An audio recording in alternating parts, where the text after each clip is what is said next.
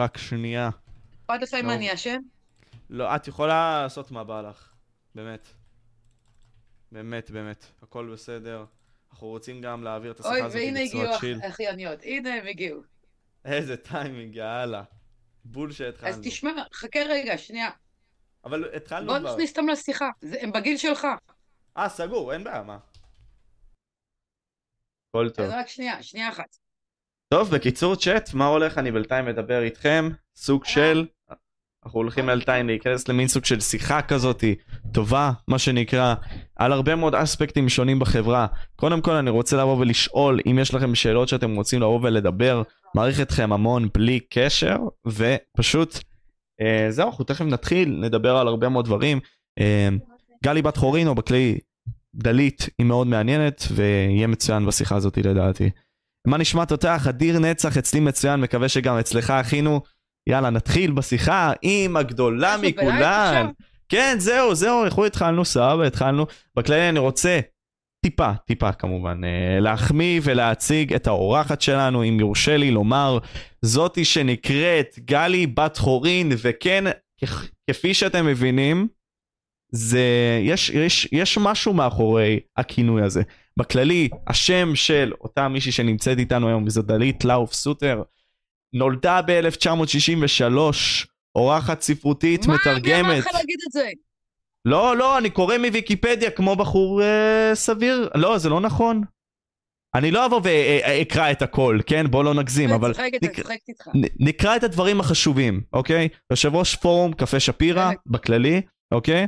ותרגמה בין היתר את 12 כללים לחיים של ג'ורדן פיטרסון, שהוא גדול, לדעתי, ומבין הגדולים של הפילוסופים היום.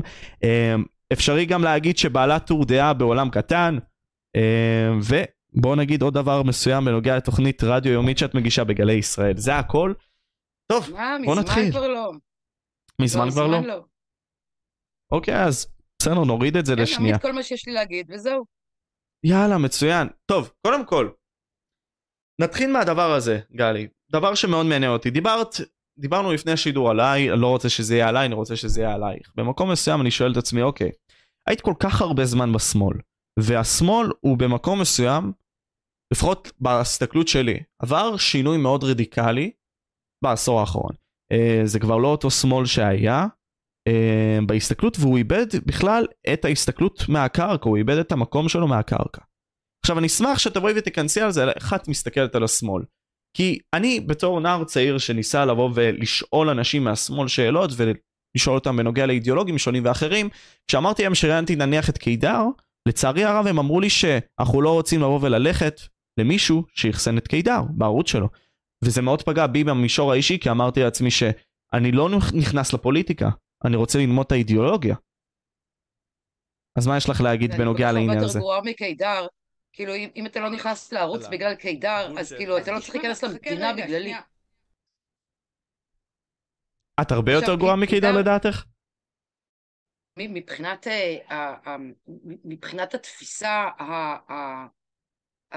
התפיסה הנחרצת, זאת אומרת, קידר מביא, מביא את האמת, קידר חוקר את האסלאם, מביא את מה שהמוסלמים אומרים, מביא את, את, את התרבות שלהם.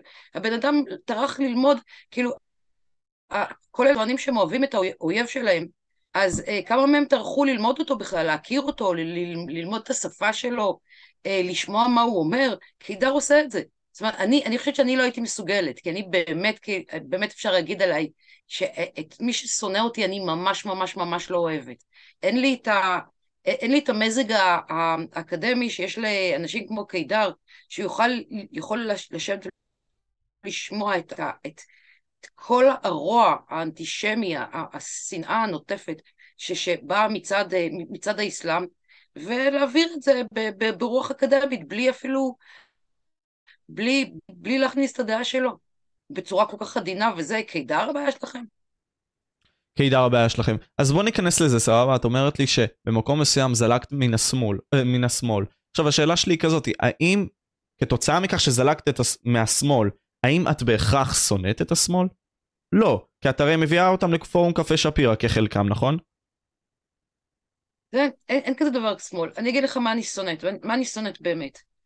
אני באמת שונאת טמטום, במיוחד שטמטום הוא רב בצדקנות, במיוחד שהטמטום הוא רב בצדקנות שסותרת את עצמה.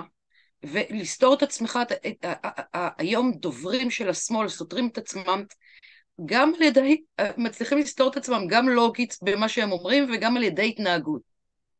אתה מכיר את הזאת ש, שאומרת, אני לא מתכוונת איתך, אני לא מתכוונת לטפס על הכיסא והיא מטפסת על הכיסא, זה, זה השמאל בעיניי עכשיו. עכשיו, דבר כזה, כאילו לא נעים להגיד, אני, לא נעים להגיד, אני לא, לא יכולה להגיד את זה בהרבה מקומות אחרים, אבל מישהו, אני רואה מישהו כזה, הדבר הראשי זה לייף לא כאפה.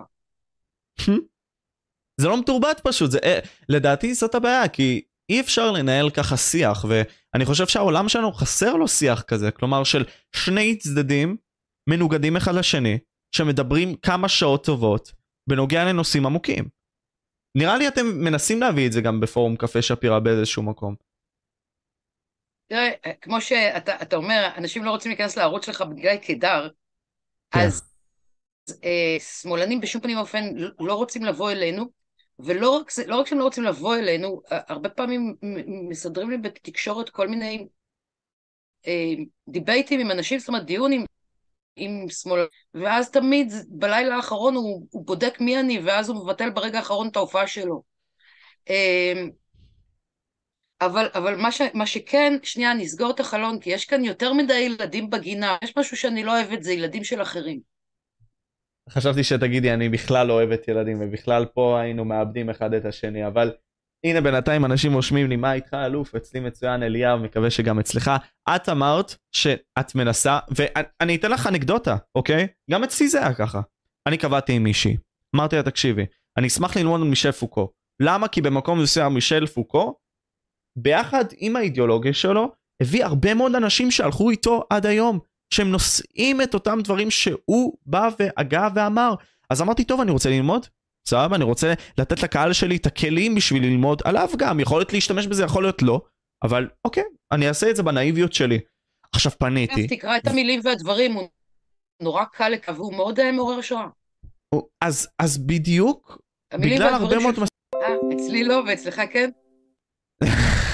הסתבר. לא, אוקיי, זה יסתדר, סבבה. אז אמרתי שכאילו מישל פוקו בקטע הזה לקח איתו הרבה מאוד אנשים וזה, אבל היא אמרה לי לא, אני לא רוצה לעשות את זה. כי שוב, אתה מביא לי אנשים שהם ימניים קיצוניים כהגדרתה, וזה אי אפשר לפתח פה תרבות שיח בגלל זה. אה, אה, אני, אני במשך אה, די הרבה זמן ניסיתי לחצוב את הדעה האמיתית ש, של השמאל, כאילו אם אתה, מה שאתה עושה, אז אתה שומע מה, מה הם אומרים, אתה מקזז את, אה, את הסתירות. אתה אה, אה, מנסה לחצוף באמת מה, מה הם רוצים להגיד. בסופו של דבר, ואני לא צוחקת עכשיו, אני, אני, אני קצת צוחקת, אבל, אבל אה, אני אומרת את זה ברצינות. בסופו של דבר, אם, אם אתה מקזז את כל הסתירות הלוגיות של, של הדעות שנשמעות מהשמאל, אז כשנשאר זה רק דעה אחת, שהשמאל חול באמת באמת מאמין שהוא צודק, ולצערי גם בזה הוא טועה. זאת אומרת, הדעה היחידה שיש לשמאל שהיא קוהרנטית זה שהוא חושב שהוא צודק. ומכאן מגיעה הבעיה. שום דבר, שום... כי תבונתו של סוקרטס במקום אבל... מסוים הייתה לבוא, ו... לבוא ולהבין שהוא לא יודע מהי האמת במקום מסוים, ש- the only wisdom is כאילו לא לדעת שאתה יכול לטעות, וזה בסדר גם לטעות בקשר הזה. ושאתה לא רק צודק, זה, זה מצחיק, אני במקרה ראיתי אתמול אה, רעיון של אה, אירית לינור עם אה, גדי טאוב, שני יקיריי, עוד שני, שני שמאלנים שנמלטו מהשמאל כל עוד מוחם בם. ו... אה, והיא אמרה משהו שהוא הוא, הוא, הוא זהה למה שאני אומרת הפוך. למה עזבת את השמאל? גדי שואל אותה, הוא, הוא אומר, היא אומרת לו, כי, כי אני תמיד צודקת, ואני חייבת להיות תמיד צודקת, והשמאל טועה. עכשיו, אני אומרת בדיוק ההפך. אני אומרת, אני עזבתי את השמאל, כי גיליתי שלא ייתכן שאני תמיד צודקת. זאת אומרת, גם בדבר והיפוכו, אני תמיד צודקת. ומה שאני אומרת, ש... זה, זה היה הרגע הראשון ש... שהתפכחתי. מהשמאל, כי הוא... השמאל היה נורא, נורא מתגמל, נורא כיף. אתה תמיד נמצא במצב של עליונות מוסרית, אקטואלית על האחרים, בלי שום קשר לעובדה. ומה שאני אומרת היום זה ש, שהתחושה הזאת שאתה תמיד צודק, היא, היא האשליה הכי גדולה וה, והטעות הכי גדולה, ו, וקשה לצאת מזה, אבל התמורה היא שאם אתה יוצא ואתה מתחיל לחשוב מחוץ לשמאל, אז לפעמים מדי פעם יכול להיות שאתה תהיה גם צודק. אז פה אני שואל את עצמי דבר כזה, אתה העלית את הבעיה שלדעתי היא מבין הבעיות הגדולות אצל הציבור הפוליטיקלי קורקט במקום מסוים. זה המחשבה שהם תמיד צודקים לא משנה מה. כדוגמה, אותם אנשים שלדעתי... דרך אגב, אני עוצרת אותך שנייה אחת ואני כן. מזכירה כן. לך אם היא כבר העלית את פוקו, כל זה כאילו נבע אה, מדיסציפלינה, מתיאוריה, שטוענת שאין אמת. וזה אה, התחיל בסביבות פוקו. עכשיו, מצד אחד, כל, כל, כל הפוסט מודרנה, ה progress, ובעצם הנאו-מרקסיזם שמחלחל מתחת לשם, מבוסס על הרעיון ש, שאין אמת. אני, אני במשך 20-30 שנה באוניברסיטה, כבר שהיית צריך לכתוב את המושג אמת, היית כותב את זה תמיד במרכאות, תמיד במרכאות.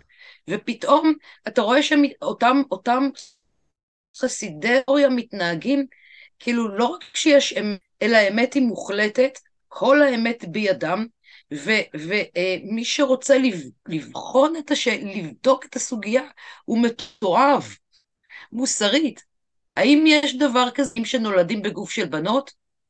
זה, זה, אתה, לא, אתה לא יכול לבחון את זה, אתה לא יכול לשאול את זה, אתה לא יכול לא, לא, להעלות את השאלה, כי, כי אתה ישר להטופוב. עכשיו, אני אומרת לך כבר עכשיו, אני אעשה לך ספוילר, אין דבר כזה. זה כמו הכנסייה של פעם בשם, בקטע בשם הזה. ה... כן, וכל העניין, המפעל, המפעל של פוסט-מודרניזם היה מהבסיס, לדעתי, אה, נבע מהחש... מהבהלה של... שקרתה במאה ה-20 על כל הקלקול של המאה ה-20, שאיך שהעולם המערבי יצא מהרטיות של הכנסייה, הוא נכנס לדוגמטיות של היוגית הגדולות. אז איך שאני מפרשת את זה, זה היה ככה. הם אמרו, כאילו, אוקיי, כדי שלא תתמצק איזושהי אידיאולוגיית על ענקית, כמו הנאציזם, כמו הסטליניזם, כמו הבולשביזם, כמו הפשיזם, שלא תתגבש איזושהי אה, אה, דת אידיאולוגית ענקית, בואו נבלול את לשונם, כמו במגדל בבל, בואו לא ניתן להם להתקבע על, על, על הגדרה אחת של, של אותם, אותם, בואו נהרוס את הקטגוריות, נהרוס את ההגדרות, נטשטש את כל הגבולות, אה, נערבב את השפה, לא, לא נניח למילה לסמן, לסמן בעקביות את אותו דבר עצמו. ואני מניחה שהם הבינו שבדרך הזאת הם מטפשים את הציבור, אבל הם אמרו כאילו עדיף לטפש את הציבור מאשר כאילו לתת לו להתגבש לאיזושהי אידיאולוגיית על.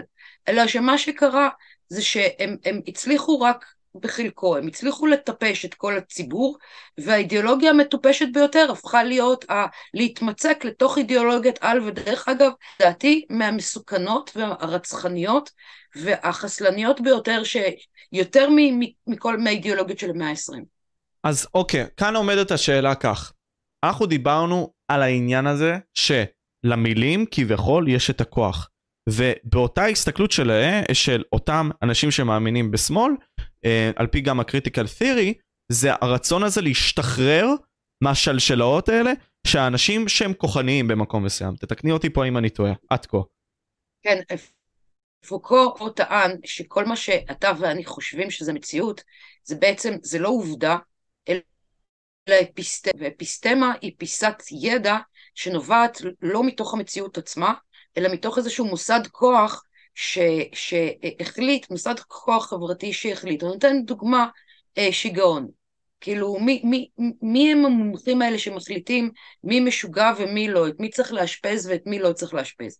אז יש את הקהילה המדעית הספציפית, לא סתם קהילה מדעית, קהילה המדעית הספציפית, נניח, זאת שהגיעה לצמרת של הסורבון, ו, אה, והם מחליטים על פי קריטריונים, ואז אתה אתה ואני חושבים, אוקיי, הבן אדם הזה, הוא קיבל גושפנקה של משוגע, סמוכים קבעו שהוא משוגע, אז לכן הוא משוגע. למעשה, מה שפוקו טוען, זה העובדה שהוא משוגע היא לא עובדה במציאות, אלא היא עובדה של שיח. והמטרה היא אה, לפתוח את השיח ככה שאנשים ששולטים בכוח, ששולטים בשפה, לא יצליחו אה, אה, אני יודעת מה, לאשפז משוגעים על סמך ההחלטות השרירותיות שלהם. עכשיו, מה, מה שקרה, זה עושה רושם שהם הסתכלו על הדוקטרינה הזאת ובעצם אמרו, אה, ah, ככה, המציאות שלנו זה מוסדות, אוקיי, אז בואו אנחנו נהיה מוסד הכוח. אז בואו אנחנו נקבע מי זכר, מי נקבה, מי צודק, מי טועה, מה מוסרי, מה לא מוסרי. כי במילא אין מציאות, הכל בשפה, אז אנחנו נשלוט בשפה. אז אנחנו נשלוט בשפה. ובמקום מסוים אנחנו רואים את זה היום, כלומר, לא שאלו אותנו אם הם רוצים לשנות בשפה העברית את האתם אתן. כלומר, להוסיף את זה במשפט עצמו. עכשיו, אותי, את יודעת, אני... שהאלה... אני, שנייה, שנייה. השאלה הזאת נשאלה בבחירות, ומרב מיכאלי קיבלה את התשובה שלה. אז את מבינה, במקום מסוים, אני קיבלתי את השאלה הזאת בכיתה י"א, ואמרתי לעצמי, זה באמת הייתה שאלת בגרות בכיתה י"א, גלי, אם הדברים האלה, אם ההתייחסויות האלה, ובתפיסה שלי זה היה כזה, אוקיי, יש פה חוקי משחק שאני וגם הרבה מאוד מהאזרחים לא הסכימו עליהם, וזה שינוי די דרסטי. אנחנו לא שפה שמדברת ב-natural language, אין לנו את ה-U הזה שיש באנגלית, אוקיי? וזה די הכרחי לבוא ולדבר על הדיסקשן הזה, אבל פה קבעו לנו עובדה. ומעניין אותי לשאול איך את מסתכלת על השינוי השפתי הזה, ובנוסף, איך זה משתלח גם לאקדמיה, ובין כה וכה למדעי הרוח. אוקיי, okay, אני קודם כל חושבת שזה תועבה. לפני ש... אה, ש, ש, ש שטוענת שמי ששולט באנושות, מי ששולט בשפה שולט באנושות, מתחיל לטפל לי בשפה. אז אה, צריך להיות ברור מה המוטיבציה. זה אחד. עכשיו, אה, הדבר השני הוא, הוא שהשינויים האלה בשפה, במיוחד עם הנקודה, אנשים צריכים להבין, אז זה, הנקודה הזאת היא נקודה קטנה, אבל היא גוררת אחריה שובל שלם של אידיאולוגיה. זאת אומרת, בוא, בוא נגיד ככה, הסמל, הסמל של הצלב הקרס, סך הכל סמל קטן, אבל הוא הוא הביא איתו את כל האידיאולוגיה הנאצית. באותה מידה, כשאתה בוחר להשתמש בנקודה, בין אם אתה עושה את זה בדין ובין אם לא, אתה הכנסת כרגע לוגו, אג'נדה פוליטית, אה, מרקסיסטית מיסודה, שהשתלטה על, על חוגי הנשים, על חוגי הפמיניזם, שהפכו לחוגי המגדר, כן הפכו לשום דבר, כי אם, אם יש מגדר אז אין פמיניזם, צריך להבין את זה. הן לא מבינות את זה, כי לוקחים נשים מפסיכומטרי אפס ומוציאים אותן אחר כך עוד יותר מטומטמות ממה שהם, אה, אה, נכנסו לאוניברסיטה בחוגי המגדר. אז אה, מוודאים ש, שלא לא, לא להכניס אנשים, ש, נשים שיכולות לחשוב, וככה מנציחות את, ה, את הסטריאוטיפ השקרי, כאילו נשים הן באמת מטומטמות. אבל בכל מקרה, כשאתה שם את הנקודה, בעצם אתה הצהרת שאתה מאמץ אידיאולוגיה, זה כמו לוגו של מפלגה, זה כמו, אני, אני, אני אציג שפה שתהיה לקדנית, שפה מלכדת, ש... כי השפה שלנו, השפה, דרך אגב, הנקודה מגיעה מתוך ההנחה שהשפה העברית היא שפה כובשת, פטריארכלית ודכאנית. זאת אומרת, אתה משתמש בנקודה אז א', אתה מכיר בכך שקיימת פטריארכיה, ב', אתה מכיר בכך שקיימת דקנות, וג', אתה מכיר בכך שאין לך זכות הארץ הזאת, כי העברית היא כובשת. אבל, אבל תאר לך, תאר לך שאני אה, אה, הייתי, הייתי באה ואני אומר, הייתי אומרת שהשפה שלנו נורא מפלגת, היא שפה פלגנית. בואו בוא, בוא נהפוך אותה למלכדת, איך? בסוף כל משפט נכניס את הלוגו של הליכוד. מה יותר מלכד? ליכוד. ליכוד. זה אותו דבר. בוא נלכד. אבל הקטע הוא שאני שואל את עצמי שאלה כזאת, אוקיי, התברר במחקרים שעשו, זה לפחות ממה שגם סיפרו לי בבית ספר כחלק מהשטיפת מוח שכולנו עוברים, לא שזה דבר רע, המחקר הזה הוא די אמיתי לדעתי, אבל הוא אמר שאם אתה בא ומכניס את לשון ההגייה של נשים כלפי נשים במבחנים, הציונים שלהם משתפרים. עכשיו, אם אתה עושה את זה כלפי גברים, זה, זה על אותו עיקרון עכשיו, אבל רוב המבחנים הם באותה שפה. מה את חושבת בנוגע לעניין הזה? כי ב, במקום מסוים זה כן משפר את הציונים, אז למה לא לעשות את זה? זה לא משפר את הציונים, זה בולשיט. אני לא, לא, אני אומרת לך את זה בלי מחקר. זה בולשיט. להפך, זה מאוד מאוד מחליש את הנשים, בגלל, ש, אה, בגלל שקודם כל הדבר הזה זה שינוי. השינוי הזה, את, את תוהה מדוע הגיע השינוי הזה. אז השינוי הזה, אה, אה, מעביר לך את, המסר שאת יצור, כאילו החוסן הנפשי שלך כל כך עלוב, עד שאת מסוגלת להיעלב באופן מיקרו אה, אה, אגרסיבי מפנייה שהעברית, צריך להבין, העברית, אנחנו משתמשים בשפה רגילה, היא שקופה לנו לגמרי. אנחנו לא רואים את המטאפורות שבתוך השפה, אנחנו לא רואים את, ה, את הציורים שבתוך השפה. זאת אומרת, כשאתה פונה אליי ואתה אומר לי, אתה, אתה או משהו כזה, אני בת... מתוך הקונטקסט והלוגיקה של השפה, אני לא שומעת שפנית אליהם בלשון זכר, אלא אם כן הפכו את זה למשהו פרובלמטי. וברגע ש... שהציפו את זה והפכו את זה לפרובלמטי, אז כן, אני אגיד לך מה כן משפר את הציונים, וזה אני בדקתי. וזאת הייתה האינטואיציה שלי, והאינטואיציה שלי הייתה אה, צדקת. אה. ב... בגיל... בגיל 50, בסביבות גיל 50, חזרתי ל... לא, לאוניברסיטה להשלים תארים וכזה, איך שהילדים למדו להכין חביתה לבד, ויש יש לפעמים מבחנים שהם, אתה כותב במחברת, אתה כותב את התשובות. עכשיו, אני, יש לי נטייה לא, לא לשפוך את החומר שאני משננת, את החומר שאני יודעת, ומתוך מתוך, מתוך להגיד איזושהי אמירה חדשה משל עצמי, גם במבחני ידיעה. עכשיו, הנחתי ככה, הנחתי שבוחן אה, דוקטורנט או, או, או איזשהו עוזר הוראה קורא את הדבר הזה והוא לא יודע מי זה כי הוא לא יכול לראות את השם, אז הוא חושב לעצמו או שזה סטודנט מאוד מאוד אה, נועז עם אה, אה, סטודנט נועז, או, או שזה אישה, או, או שזה סטודנטית לא מספיק פרשנית, שעשתה סמטוחה אחת גדולה, כל מה שלמדנו. אז אני הייתי כותבת בלשון זכר, לדעת. אני, אני חושב שאם מסתכלים על זה ככה וככה, אז צריך להבין שככה וככה וככה. עכשיו, מרגע שהתחלתי את זה, הציונים שלי שממילא היו את המאה, אז התחילו להגיע, כאילו, השלימו באופן מושלם. ואני אני, לא, אני עשיתי את זה כי זה אפילו לא היה ניסוי, אני הבנתי את זה, כי אם אני הייתי בוחן ואני קוראת משהו, סטודנט מביא לי, אה, כותב לי דברים שהם לא לגמרי על פי הנוהל, זאת אומרת, הסטודנט היה צריך לשפוך מידע, אבל סטודנט תקע דעה שלו. אז אני הייתי בטוחה, אני, אני הייתי חושבת ככה, הסטריאוטיפים שלי היו אומרים לך, או שזה איזה סטודנט מבריק, נועז, צעיר, נועז, שמתעקש לקפוץ קדימה, או שזה הסטודנטית הלא מספיק שקדנית, שבאמת כאילו לא, לא מנסה, בגלל שהיא לא הבינה ולא למדה מספיק בעל פה, אז, אז עכשיו היא מנסה לכסות את אי ההבנה שלה.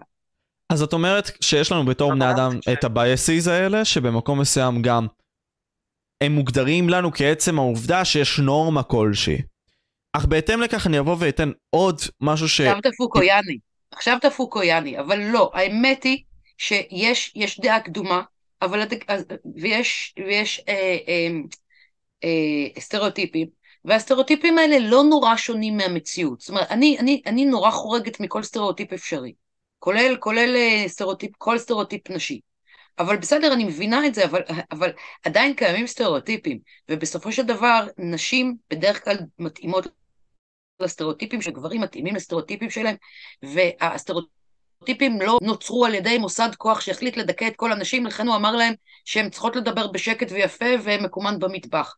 אלא, אלא סטריאוטיפים נובעים, לא ברוב המקרים, מהתבוננות קודם, התבוננות. מהתבוננות. אך... אתה רואה שיש הבדלים בין הבנות שלך לבנים שלך, וזה די מלידה. כן, אבל אוקיי, ב... אם נמשיך על הרצף של המילים שדיברנו עליהם, אם אנחנו נתייחס גם למילה שאסור להגיד כלפי כהי העור, סבבה? כן, כשאתה אומר את זה כל כך הרבה לאותם אנשים, אה, ביניהם, אין לזה כל כך כוח. אין לזה את הכוח, אבל במקום מסוים, כשאתה מדבר על האני, יש לזה כוח עצום.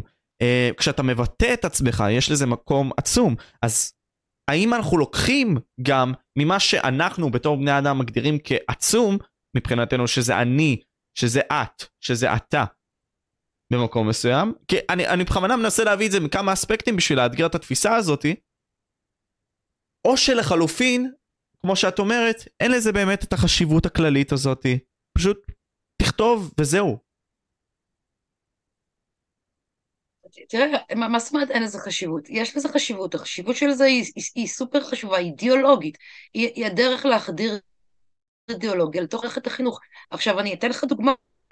אה, אנחנו ניהלנו מאבקים במסגרת אה, גם פורום קפה שפירא וגם פורום ארגוני המשפחות, כנגד החדרת דעה הזאת, לפחות במקומות ש, ש, שאנחנו יודעים בוודאות שהם לא מאמצים את האידיאולוגיה.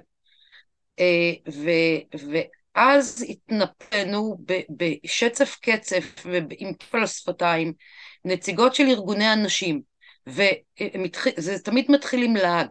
איזה עניין אתם עושים מנקודה, מה, מה big deal, בסך הכל נקודה.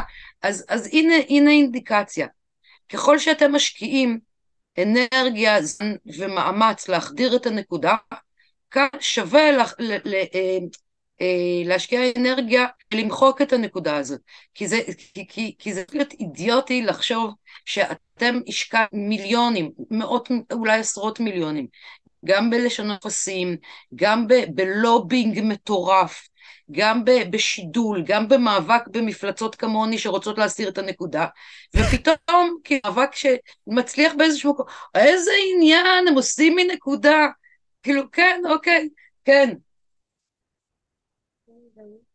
כן, תבחרי לי משהו, סליחה. הכל בסדר. אז אמרת שיש מפלצות כמוך, במקום מסוים שבאות ולא נותנות להם לבוא ולהעביר את זה. כל, כל, ש, כל מקום שאני, אותו דבר עם מורה אחד או רשם. כאילו, הם, הם באים עם התואנה המאוסה, המצטדקת, השקרית, הרמאית, ש... למה כל כך אכפת לך? יש, יש אנשים, יש, יש אנשים שהם, ש, שיש להם שני אבא ושני אימא, או רק אבא, או רק אימא, או שלוש אימהות, מה, אז מה כל כך אכפת לך? אז קודם כל, מה כל כך אכפת לי? השאלה היא מה כל כך אכפת לך. צה"ל שינה את, לשנות טפסים בצה"ל, זה עלות מאוד מאוד גדולה של, אני מניחה, של די הרבה מיליונים, או, או בצה"ל, או בדוד אדום, בתרומת אדם. 아, למה השקעתם את כל הכסף הזה על משהו ש... מה אכפת לכם? ככה, שיהיה ככה, מה אכפת לכם? אז כן, יש כאן אג'נדה, רבותיי, והאג'נדה הזאת מבחינתי היא מפלצתית, היא, היא מתועבת ברמות שאין לומר אותן, היא, היא עלולה להביא פה ל, ל, לשפיכות דמים ש, של כלל האנושות ביחד. זה מלחמת עולם שלישית, אבל מ, מ, מלחמת של, של, של באשתו וילד ואח ואחות. אוקיי. ועל. כן. הדברים האלה אני לא אשתוק על ההזדחלות הצבועה המיתממת שלהם לתוך מערכת החינוך שלנו, לתוך השיח בכלל. אז אני מאוד מסכים איתך, כי אני חושב שיש לזה השלכה די גדולה על הציבור שלנו, ובמיוחד של הצעירים שהם גם ככה מבולבלים עד מאוד. אנחנו נרחיב תכף על, מה, על עד כמה הם מבולבלים מבחינתי, אבל אני רוצה לשאול את השאלה הפונדמנטלית הזאת. Uh, הרי דיברנו על האמת, אוקיי? יש אנשים שבשפה שלהם אומרים, אני, זאת האמת שלי, זאת האמת שלך. ואני רוצה שבאמת נסתכל על הקונספט הזה של אמת. מה נכון יותר להגיד מבחינתך? האם האמת שלי האמת שלך? האם ההסתכלות שלי על האמת היא שונה משלך? זה ההסתכלות, זה איך שאני אמור להגיד את זה? כי, לא יודע, אנשים בהרבה מאוד מהמקרים אומרים אמת שלי האמת שלך, אבל יש רק אמת אחת אוניברסלית עלי האדמות. לרוב המקרים, 99.99% ובפרט, אם אנחנו נבוא ונחליט משהו מהצד, זה האלוהים, כי אף אחד מאיתנו לא ראה אותו. אנחנו מרגישים אולי רוחניות כלשהי אמונתית. אז ת, תגידי לי איך את מסתכלת על זה. אז קודם כל, אה, נתחיל עם הפשוט. אין, אין היגיון שלי והיגיון שלך. ההיגיון הוא אחד. כי ההיגיון, ההיגיון הוא כלי, הוא כלי שאיתו אפשר אה, אה, לעבוד ולהסיק מסקנות. זה כמו להגיד ש... ש, אה, אה, ש, ש כלי מתמטיקה הם, הם, הם לא, הם, הם, יש את הכלי מתמטיקה שלך ויש כלי מתמטיקה שלי. מתמטיקה זה מורכב כי יש כל סוגי מתמטיקות, אבל בכל, בכל, אה, אה, אה, בכל תחום שהוא פורמלי, כמו סוג אחד, סוג מסוים של מתמטיקה, יש לה לוגיקה אחת ויש לה כלים.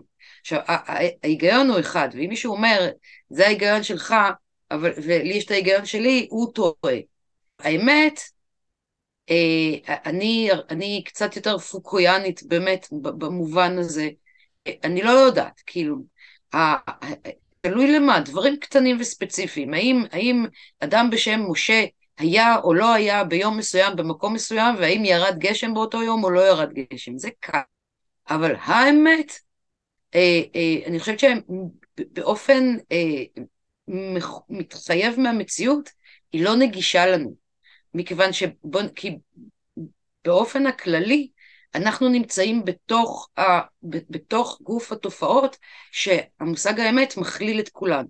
המבט שלנו הוא לא כולי, המבט שלנו לא מזווית של אלוהים של הפילוסופים של רואה הכל, יודע הכל ועל זמני. המבט שלנו הוא בהכרח, הוא זמני, הוא מקרי, הוא, הוא, הוא לוקאלי והוא בר חלוף.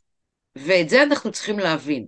עכשיו, אדם אומר, אדם אומר לך, זה האמת שלי, אפשר להתווכח, נניח, יש הוויכוח, הוויכוח הגדול עכשיו, כן נתניהו, כן אשם, לא אשם.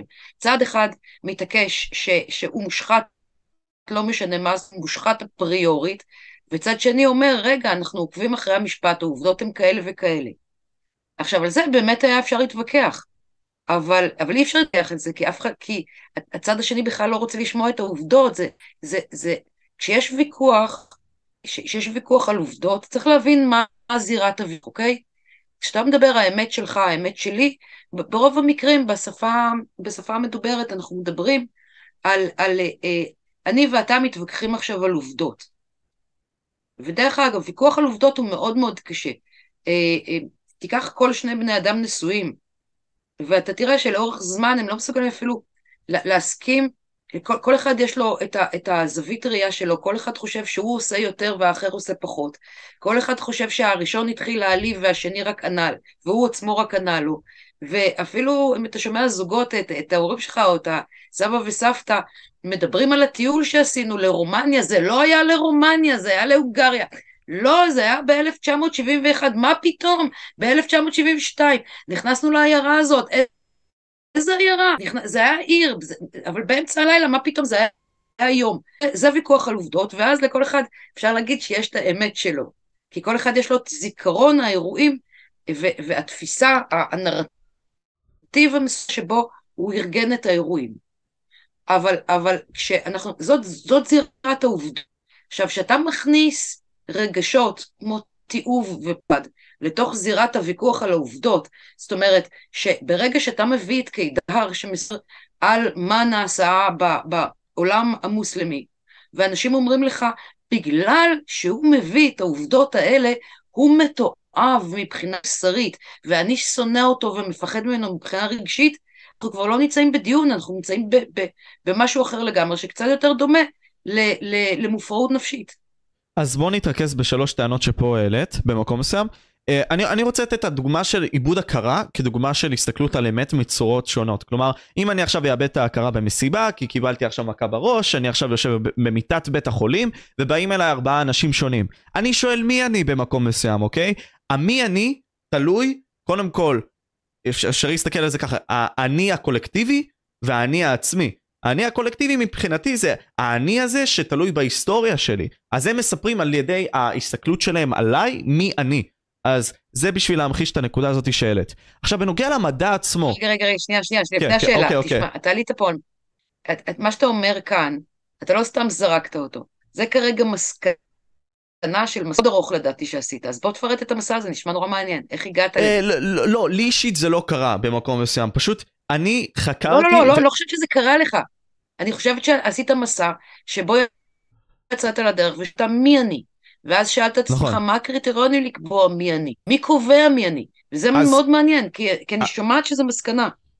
כל יום אני רושם לעצמי לפחות 20 פיסות של הודעות לעצמי, אה, שאני לא משתף עם אף אחד, ואני מקווה ביום מן הימים פשוט להוציא כל מיני, לא יודע מה, לרשתות, אה, הסברים על הדברים שאני מסביר בצורה הרבה יותר רחבה. אבל כן, זה הגיע לי לפני כמה ימים. נסעתי בעצם לצה"ל, אם אני לא טועה, ברכבת, והיה לי זמן חופשי לחשוב על מי אני בעצם, ואמרתי, אוקיי, משה, יש את האני הקולקטיבי, מה זה אומר? אני הקולקטיבי זה מה שאנשים אחרים חושבים עליי, זה איך שהעולם מסתכל עליי. כי במקום מסוים, אני לא יכול לבוא ולהגדיר את... כאילו, אני מסתכל על זה ככה, אתה יכול להגדיר את מה שאתה עושה עכשיו כאני, כי במקום מסוים זה מה שאתה יוצר עכשיו לעולם, ויש את ההסתכלות של איך אחרים מסתכלים עליך בעולם הזה, שהם מרכיבים את ההסתכלות של מי אתה. אני נגיד סתם, אם אני עכשיו נמצא בסיטואציה של איבוד הכרה, אני חי עכשיו. אני לא זוכר מי אני, אבל התוצאות של מה שאני אעשה עכשיו יגדירו בשבילי מה אני, אוקיי? אבל על פי הקולקטיב האחר, אה, על, על, על פי האחרים, הקולקטיב, הם יגדירו בשבילי מי אני, על פי מה שאני לא זוכר בראש שלי. והם יגידו מה אני, על פי מה שהם רואים. אבל במקום מסוים אני אהיה הרבה, אני אהיה מבולבל. כי אמא שלי תגיד, נגיד סתם שאני נמצא בחדר שלי, לא זז יותר מדי, יוצא עם חברים בקטנה והכל טוב ויפה. יש לך אמביציות וזה סבבה, אבל כל שאר הדברים כאילו, אוקיי, אתה מזניח. האחרים יבואו ויגידו, משה בעל אמביציות וכל מיני כאלה, ויוצא וקורע את העולם והכל, אני רואה את זה, אני רואה את זה. והשלישי יבוא ויגיד, הוא לא מדבר איתי בכלל, הוא בן אדם כזה שנמצא לבד כזה, סגור והכל. אז במקום מסוים, האני הזה, זה משהו שאתה, כאילו, יש את האני שאני מגדיר לעצמי, ויש את האני שהעולם מגדיר עליי. ואני רוצה לחיות את האני שאני מגדיר על עצמי. ובמקום מסוים, אם אתה רוצה לחיות את האני שהעולם מגדיר עליך, אתה במקום מסוים גם תהיה שקרן בעתיד. למה? כי אתה תרצה לסלף גם את הדברים הרעים עליך. כדי שהסיפור שלך על העולם יהיה יפה. כי אתה לא רוצה לבוא וללכת, בעודך זוכרים אותך עושה דברים לא טובים. זה הכל. זה, תשמע, אה, אה, זה נשמע מאוד עמוק. אני, אני, אני נהנית לראות אותך חושב, זה דרך אגב דברים שגם מעסיקים אותי. אה, אבל אה, אותי כבר יותר ב, ב, ברמה האינטלקטואלית, מעניין אותי כאילו להגדיר דברים. כי אני, אני כל כך אני כבר, שאני כבר כמעט 60 שנה אני אני הזה, כן? לא, לא, תודה, ולא לא להפריע אותי, רק לא להפריע יותר, רק אם רותם רוצה להצטרף לשיחה, היא יכולה לבוא, תגידי לה. כי רותם היא בגיל שלה. אה, מה שאני רוצה להגיד זה, זה ככה, לשאלת האני, אה,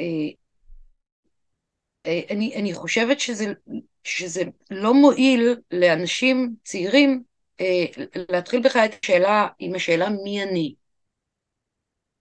דרך אגב, יש, יש לדוד גרוסמן את הסיפור יש ילדים זיגזג, ילד לא שיצא, עם הש... יצא, אוי, זה ספר נפלא, יצא לסיור עם, עם השאלה הראשונה, כתבו לו, כאילו היה צריך לחקור מי הוא, מי אני. אה, אה, שאלת מי היא שאלת השאלות, היא בעצם שאלת השאלות, היא שאלת כל הפילוסופיות. בואי, את רוצה להצטרף? אנחנו תוהים איך, איך בן אדם צעיר יכול לדעת מי הוא. תנסיב, זה בשביל. זה שאלה מפגרת, כן. איזה שאלה מפגרת. זאת רותם האחיינית שלי. היי אוס. היי. רותם, זה משה, בואי תכנסי יותר לתמונה. אני נוח לי כאן, סבבה. היא נציגת הנוער כרגע. היא נציגת הנוער. אנחנו כל כך מאוח... אני במקום מסוים אבוא ואגיד שהנוער, הנציגים של הנוער במועצות הנוער לא מבינים את הנוער במקום מסוים. הם נכנסו לעמדה הזאת של הכוחניים לפני כל השלב הזה. נגיד סתם אני הייתי במועצות הנוער. מי זה הם? מועצות הנוער. אני, אני באמת רוצה לדבר במקרה הזה. הנוער, זה, בתקופתי מועצות נוער היו הילדים הפלצנים האלה שבגיל 12 כבר חשבו שהם הולכים להיות ראש ממשלה. לא, הם ידעו, הם ידעו, אל תזלזלי. עסקנים פוליטיים גמדיים, ש, שאתה רואה שהם זקנים עוד לפני שהם התבגרו. נכון? בדיוק, בדיוק, ככה הם מדברים, והם לא מדברים את השפה שאני רוצה לדבר. אחרים. שמחנו לראות אותך. טוב, בסדר, לא משנה. תודה, תודה. על משמעות החיים, חשבתי שאני יודעת. מאוד מעניין, אני פשוט יודעת הכל, אז... את יודעת הכל. זה בסדר, כאילו. אני אגיד לך אבל למה אני חקרתי את זה, כי במקום מסוים אני מאוד צופה בניטשה, אה, מאוד חוקר לאחרונה את ניטשה, וכמובן את האקזיסטיאליסטים ככלל, כמו ששלחתי לך בהודעה. והעניין הזה שאתה מבין שיש לך את שתי האמתים האלה, אני מבין עד כמה לא צריך לבוא ולדאוג לאמת הקולקטיבית, על איך שכולם מסתכלים עליי, כי זה לא רלוונטי באמת, כי כן זה חשוב, אבל כל עוד אתה בונה את עצמך יותר טוב, ובחוקי המשחק אתה בונה גם אפשרות שאתה תצליח להשפיע יותר, להגיע לכמה שיותר אנשים, ובהתאם לכך גם ליצור לעצמך הרגשה טובה בלב, שזוהי המשמעות במקום מסוים, לא יודע מה, היא בדיוק ספציפית, אבל עם הזמן אתה, אני מניח שאנחנו נתפסים יותר בה, אז הקולקטיב יושפע על ידי, הוא יסתכל עליי, הוא יוכל גם לפחד ממני, אבל אני צריך להיות מי שאני במקום מסוים. כן לפעמים להתאים את עצמי אולי, אם אני רוצה להיזכר ממש בספרי ההיסטוריה, אבל גם אז.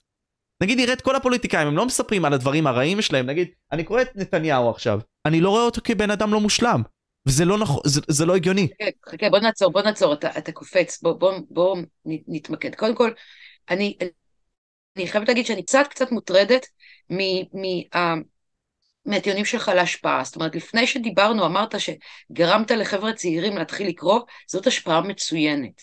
נכון. אבל איזה עוד השפעה אתה, אתה מדבר עליה? כי, תשמע, אתה, אה, אתה כבר לא בן אדם ש, שעומד בכלא, מצביע או משכנע אם צריך, אה, אם, אם, אם צריך השנה לעשות מסיבת סיום אה, עם, עם רונדו רונדו.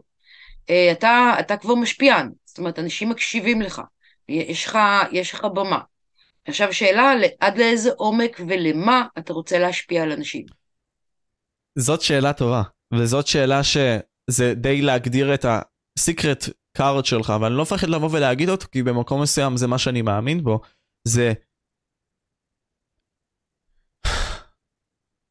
במקום שבו אתה רואה את כל הכוחניות, בין אם זה גם אני עכשיו נמצא במסגרת הצבאית, אתה רואה את זה שפתאום הכל נעשה יותר שחור, יותר כזה רציני לפתע, כלומר ההגדרה, המטבע של הכוח זה כבוד, אז זה לא כמו פעם שהיית יצירתי, שהיית יכול להיות ולחשוב מה שאתה רוצה על החיים, לבנות את הדברים הגדולים האלה בהכל.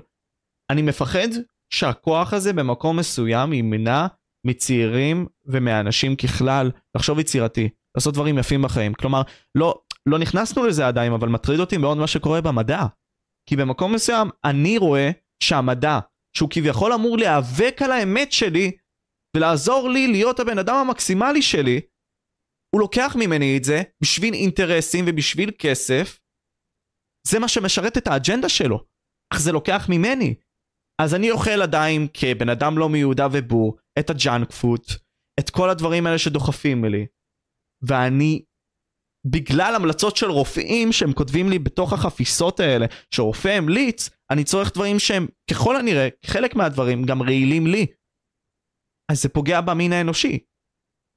זה פוגע כן, באנשים שאני אמור להיות אכפת מהם. תראה, אין ספק שאנחנו אוכלים junk, אבל תראה, הדור שלי אכל junk וכולנו עדיין, אה, כולנו עדיין פה, זה לא, לא כזה נורא. לא, אבל זו דוגמה אנקדוטית, זה, זה מהדוגמאות הקטנות. עכשיו, אני יכול גם להתרכז על העובדה הזאת שהורגים אותנו ברבבות. הבעיה היא ש... תראה, אני, אני רוצה להגיד לך, ה, ה, כל, כל, ה, כל העניין של המדע בשירות, ה, בשירות האינטרסים הכלכליים, בשירות התרופות אה, וכאלה, זה, זה, זה עוד, זה עוד, עוד אפשר לסבול ואפשר לחיות במידה שאתה מתנהל בתוך איזשהי אה, ארגון מדיני, מדינה, שבה יש מספיק בקרה, ומדי פעם גם האנשים האלה עפים אלה להרבה מאוד זמן, ויש הרתעה. הבעיה היותר חמורה עם מה שקורה עם המדע, זה שהמתודה המדעית נזרקה לפח באופן מוחלט בשם איזושהי, בשם טיעונים מוסריים. זאת אומרת, למה, האם באמת אה, מחקרים שבנות אה, מצליחות יותר במבחן כשזה בלשון נקבה? דרך אגב, או שהבוחנות, או הבוחנים, נוטים יותר לתגמל את, ה, את, את המבחנים שבה יודעים ששם, המבח... ש, ששם הבוחן הזה, הבוחנים הם מקבלים אה, תוצאות יותר טובות או לא. אבל המדע היום של מה, מה שעושים עם ילדים שמשדלים אותם להאמין שהם טרנסג'נדרים, ואז חותכים אותם, מעקרים אותם, מסרסים אותם ו- ומתעללים בהם בצורה הגרועה ביותר שאי אפשר בכלל היה לדמיין. בשם המדע, ואתה לא יכול לפקפק בזה, כי המדע שנולד על תרבות הספק, לא רק שכבר אין שם ספק, אלא אתה לא יכול לפקפק, אתה, אתה, אתה, אתה, אתה, אתה לא יכול לפקפק, כי אז אתה נתקל גם באלימות מצד אה, מקדמי הלוביסטים של האג'נדה, וגם אה, אה, מכחידים אותך מקצועית, וגם המתודה המדעית עצמה שבנויה על תרבות ספק, על, על אתגור כל הזמן, על עקרון ההפרחה, על לבדוק את הנושאים כל הזמן, זה מת. מה שהחליף את זה זה טיעון מוסי. זאת אומרת, יש ילדים טרנסג'נדרים כי אחרת אתה מתועב. זה לא טיעון מדעי, זה מותה של התיאוריה, מתודה המדעית. ולכן פורום קפה שפ... שהקים בכוחותיו הדלים את, אה, את הקתדרה, חילקנו אותה לפי חוגים ולפי סדרות, כיוון שיום אחד אנחנו מניחים שהברבריות תעבור, ואז יצטרכו מוסדות אקדמיים, ואנחנו כבר נהיה איזושהי... כי אני, אני, אני חושבת שהאקדמיה פשוט פשטה את הרגל באופן מוחלט. אל תלכו ללמוד, אל תלכו ללמוד, במיוחד לא במקצועות הרוח, למרות שגם במקצוע, ולא במקצועות אחרים. מקסימום לכו ללמוד ביולוגיה או כימיה או מדעי המחשב. גם ביולוגיה במקום מסוים נכנסים לדברים האלה. של הפוליטיקלי כן, קורקט. נכון, נכון, בדיוק אין, הטענה, אין. הז... בדיוק הטענה הזאת, אבל גלי הייתה אצלי בלב, כלומר, הטענה הזאת שהמדע לא חותר כבר ל... לאמת, וכעצם העובדה הזאת, זה גורם לי לפקפק, ואני לא אמור, או, אני, אני יכול, ממליצים לי לבקר את המדע, אבל בתור בן אדם שחי ועובד כל כך הרבה בתור אה, איש בוגר, לא אני ספציפית, אבל האנשים ש... אה, ההורים שלי כדוגמה והכל, עובדים מאוד הרבה. במערב נראה לי ישראל נמצאת במקום הראשון מבחינת כמות השעות שבהם אנחנו עובדים. אנחנו בעצם זומבים באיזשהו מקום שאנחנו לא חושבים, אנחנו לוקחים את המידע הנגיש והזמין ולא מערערים עליו. אז למה במקום מסוים גורמים לכך שדברים חשובים לא באים והולכים למענם, למען האמת הזאת, וזה פוגע בי במקום מסוים. כי זה פוגע בעתיד של האנשים שחושבים איתי. אתה, כי... אתה, אתה, רוצה להגיד, אתה, אתה רוצה להגיד לאנשים, כאילו, יש כאן מסלול, המסלול הוא מאוד שאפתני ומאוד תובעני. אתה יכול גם לא. אתה יכול גם לא לעלות על המסלול הזה. אתה יכול גם, אתה יכול גם, וזה דבר נכון, כאילו, אני, אני הסקתי בעצמי את המסקנה הזאת. יש את המסלול, המסלול מתגמל, המס... ודרך אגב, כדאי תמיד ללכת בתלם, אלא אם כן אה, יש סיבה לא ללכת בתלם. עכשיו, התלם אה, מכתיב משהו, מכתיב דברים, שיש דברים שאני לא רציתי, אני, אני מראש לא רציתי אה, לעמוד בהם, לא רציתי לקחת על עצמי, אז ויתרתי עליהם, למשל אה, רווחה כלכלית. אה, אני, אני לא מוכנה לטרוח מספיק כדי להגיע לרווחה כלכלית, אבל לכן גם עיני אינה צרה אנשים שיש להם מכונית יותר יפה, אופנוע יותר גדול משלי, אה, אה, יש להם אה, דירה יותר יפה או דברים, ויתרתי על זה מראש. ואני עשיתי עם עצמי את, ה, את הדין וחשבון הזה, על מה אני מוכנה לוותר, ולמה אני לא מוכנה לוותר, ולמען מה אני מוכנה לוותר על הדבר הזה. ו, וזה כדאי באמת להגיד לאנשים צעירים שהם יכולים. ודרך אגב, אני רוצה להגיד מילה טובה על, ה, על החברה הקפיטליסטית. בגלל שבחברה הקפיטליסטית באמת אתה, אתה מוסלל לתוך איזושהי אה, מלכודת עכברים שקשה מאוד לצאת ממנה והיא מאוד מפתה. אבל ההבדל בין זה לבין חברות אחרות, במיוחד חברות קומוניסטיות, סוציאליסטיות וכאלה, שאם אתה לא רוצה, אתה יכול לא. ובחברות קומוניסטיות, כאילו, א', אתה גם לא מגיע, ההישגים שלך לא, בסופו של דבר אתה לא נהנה מהם. אם, אם, אתה, אם אתה מחליט שאתה לא רוצה להיכנס למרוץ, אתה פרזיט ומוציאים אותך להורג. החברה משלמת עליך. חברה משלמת על הבריאות שלך, חברה משלמת לך על הדירה, על האוכל שלך, החברה משלמת על הכל. ואתה לא, לא שם את חלקך, אז אתה פרזיט. אני בול ראיתי היום אה, ציטוט בנוגע לזה של קירקגור, וזה מדבר כאילו על הקונספט הזה של חיים קלים, אוקיי? אה, וזה באמת, כשקראתי את זה, אמרתי לעצמי, וואו, זה כל כך אמיתי היום. כלומר, הוא ישב באיזשהו קפה בפרייצבורג, סבבה, בחצר שמה, הוא עישן סיגריה וחשב לו במחשבה, והוא אמר, Uh, whatever you look about you, you see many benefactors of the age who know how to benefit mankind by making life easier and easier. Some by railways, others by omnibuses and steamboats, others by the telegraph. But when all join together to make everything easier in every way, there remains only one possible danger namely, that the ease becomes so great that it becomes altogether too great. Then there is only one thing left, and that's for the people to want difficulty. האם הגענו מבחינתך לשלב שאנחנו כן צריכים את זה? זה, זה, זה מה שפיטרסון מצטט את uh, דוסטויבסקי שאומר, ב, ברגע שהכל יהיה טוב לאנשים, הדבר הראשון שהם יחפשו זה סכנה כדי uh, לצאת מהשעמום. נכון. אבל, אבל אני חושבת שיש כאן משהו מוטעה. אני חושבת שככל uh, שה... אנחנו לא מעריכים את העידן ואת המקום שאנחנו חיים בו. אנחנו חיים במומנט ההיסטורי הנדיר ביותר שפעם מעולם לא היה, שבו האדם, מרבית האנשים, השתחררו מקשיי החיים, השתחררו מהחרדה שמחר לא יהיה אוכל, השתחררו מה, ש, מה שמרקס קרא לזה, כאילו, הם כבר לא אובייקטים של ההיסטוריה, הם סובייקטים של ההיסטוריה.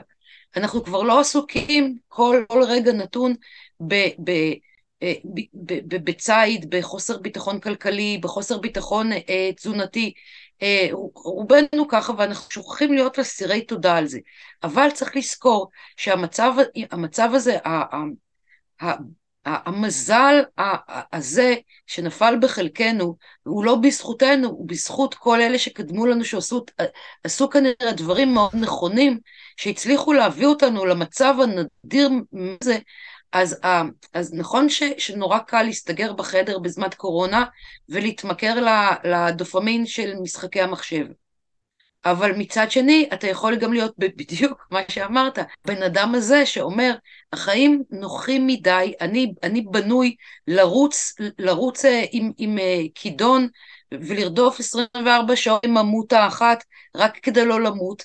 עכשיו, עכשיו אני פטור מזה, החיים שלי יחסית קלים, אה, ההורים דואגים לכל מחסורי פחות או יותר, וכל השאר המדינה דואגת והחברה דואגת, ויש לי פנאי, בואו נלך לבדוק איך אפשר לנקות את האוקיינוסים, איך אפשר להמציא משהו שיועיל למישהו, להמציא, להשתמש בפנאי שניתן לי, לא, לא, לא בשביל אה, לשבת, כמו שפיטרסון, אה, במרתף של אמא שלך עם משחקי מחשב ופירופיפס על החולצה, אלא ללכת לעשות משהו גדול עכשיו, כי בוא, אלוהים, או החברה, או הטבע, נתנו לך, שמו אותך במקום ייחודי מאין כמוהו בהיסטוריה, שבו יש לך פנאי, ובפנאי הזה אתה יכול לעשות הרבה יותר טוב ממה שאי פעם היה, לכן קירקגורן טועה בזה שהוא חושב שברגע שהכל יהיה בסדר, אז כל מה שנשאר יהיה לחפש סכנה כדי להרגיש שאנחנו חיים.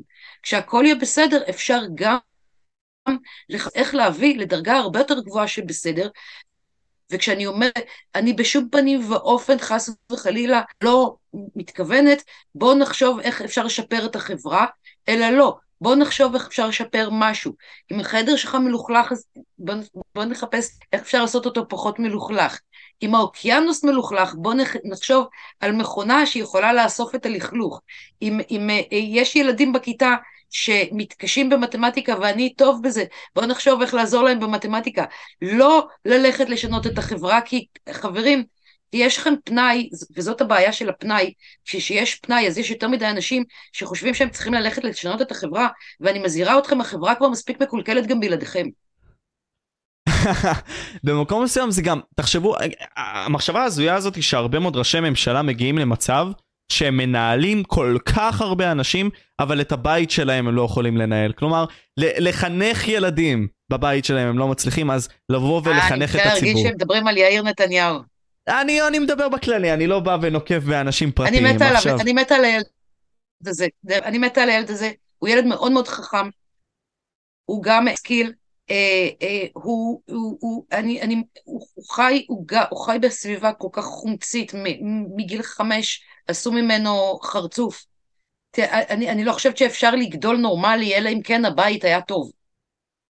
כי, כי באמת, תשמע, אני, אני, אני רואה את עצמי, יש הבדל בין, בין, בין בנים צעירים לבין נשים זקנות בנות 60.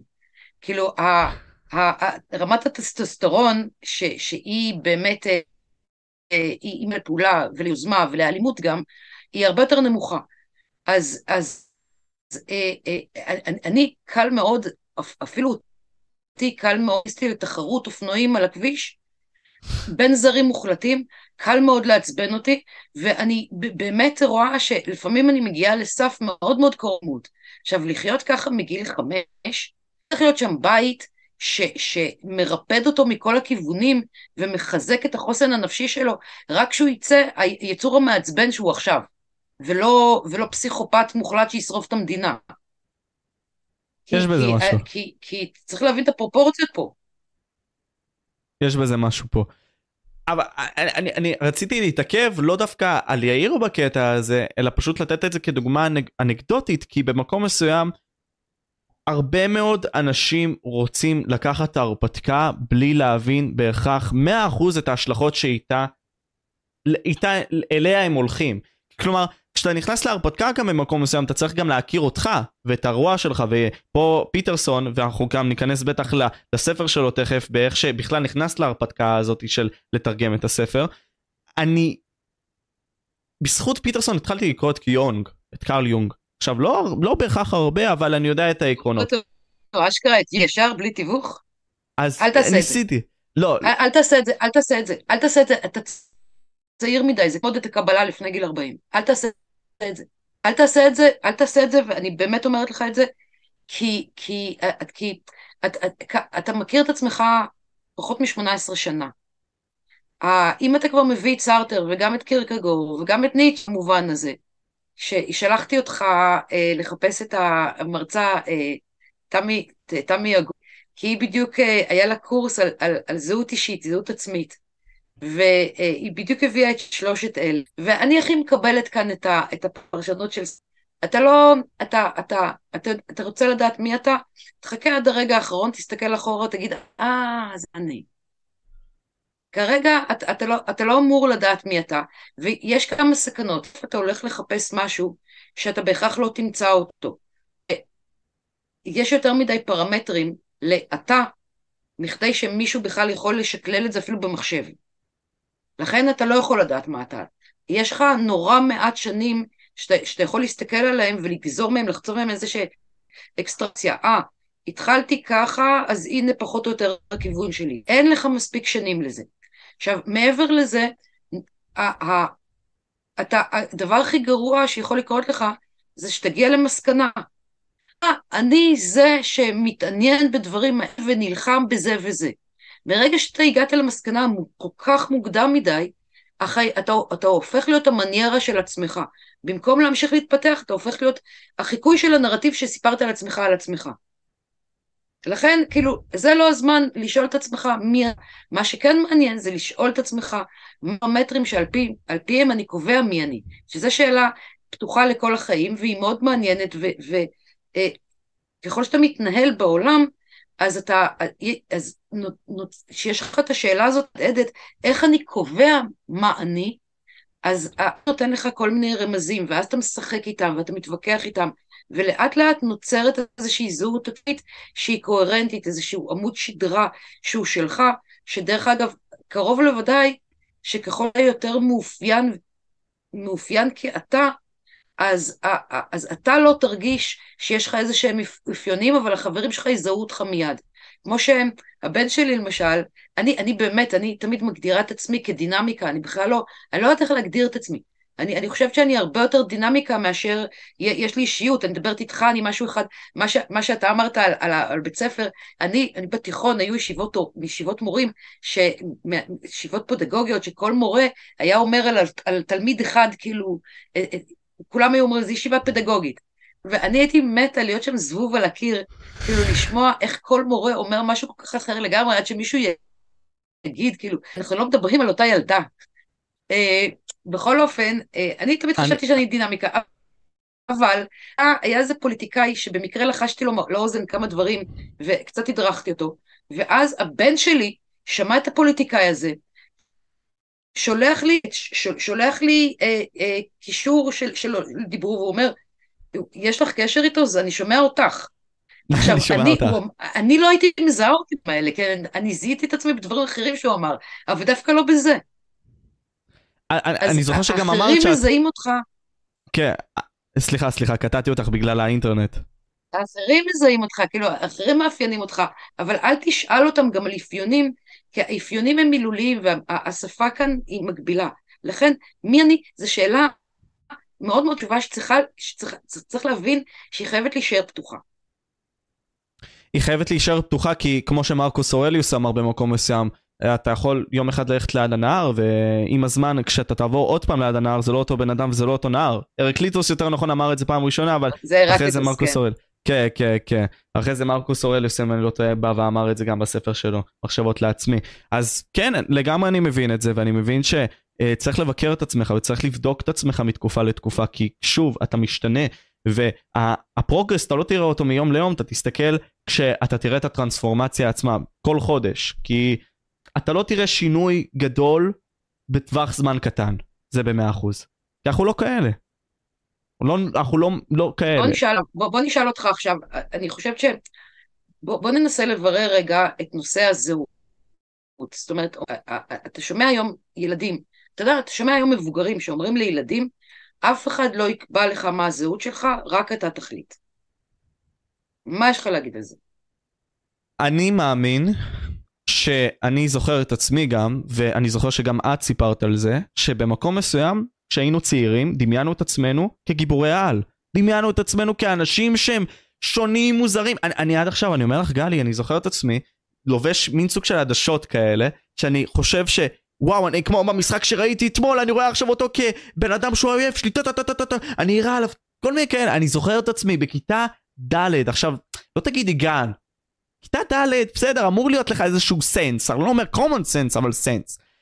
ועם הזמן, אתה כן מגיע לבגרות כלשהי. אני הייתי הולכת לרופא שיניים, הייתה לי הליכה לרופא שיניים, היה לי גשר, והייתי הולכת ככה.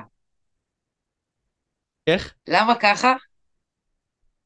כי, חש... כי אני מבפנים הייתי רוג'ר מור, המלאך, סיימון טמפלר, וכאילו הוא היה זקן, אז, אז העפעפיים שלו נפלו, אז אני הסתובבת, הייתי הולכת ככה והייתי חושבת שאני נראית כמו רוג'ר מור. רוג'ר מור ישן, כאילו זה ג'יימס בונד. אני הייתי ילדה מזמן. הייתי ילדה מזמן. לא, בסדר, אבל אתה עדיין מתנהגת כמו צעירה, זה מה שחשוב בה. בנפש וגם במחשבה. ופה אני אומר, שאם אנחנו נסתכל על זה בצורה יותר עמוקה, אגב, בדיוק כשאתה לא מקבע פרסונה, כשאתה משאיר את השאלה מי אני פתוחה ולא מקבע את הפרסונה במובן היונגיאני.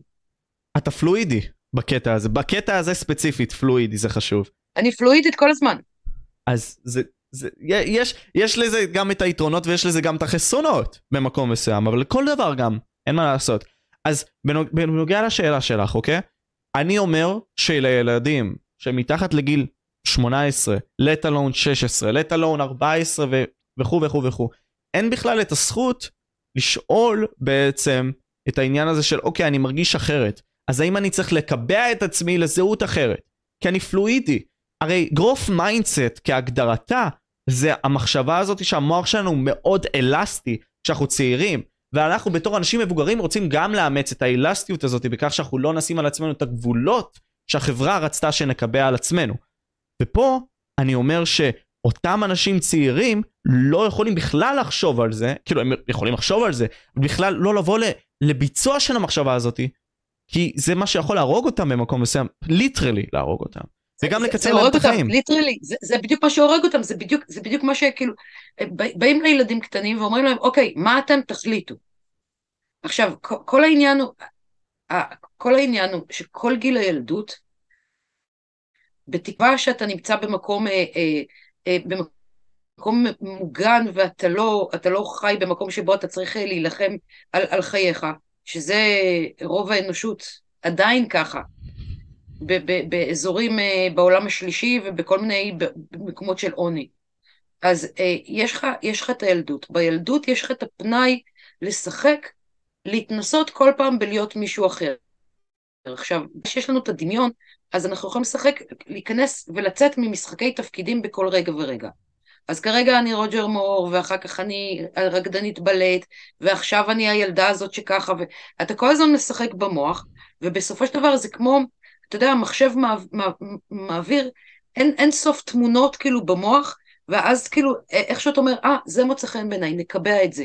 אתה ממשיך לעבור הלאה, אבל או, זה, התמונה הזאת מצאה חן בעיניי. עכשיו, מה זה התמונה הזאת? זאת זהות אפשרית שאני הייתי רוצה לאמץ. זאת אומרת, אני מסתכל על מישהו, אה, אה, אה, אה, דמות,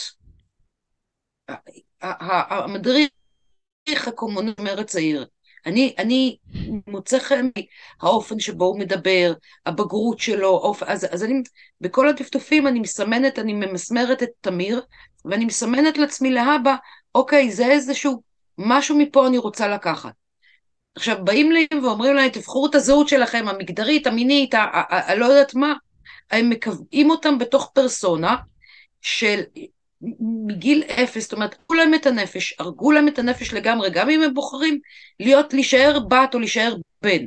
אבל הם קיבעו אותם בתוך הבניות או בתוך הגבריות, ועכשיו הם הפכו אותם למחויבים לפרסונה, אין להם שום סיבה להבין מה המשמעות שלה בכלל, מה גם שהמורה למגדר בעצמה לא מבינה מה המשמעות של זה, היא לא יודעת אפילו איך להגדיר מגדר, ואתה שולח ילדים לחפש משהו שאין לו קשר ואין לו מוצא, הם, מחייב אותם להתחייב על איזשהו משהו מדומיין שהם, שהם משערים, ואז לקבע אותם לתוך הפרסונה הזאת.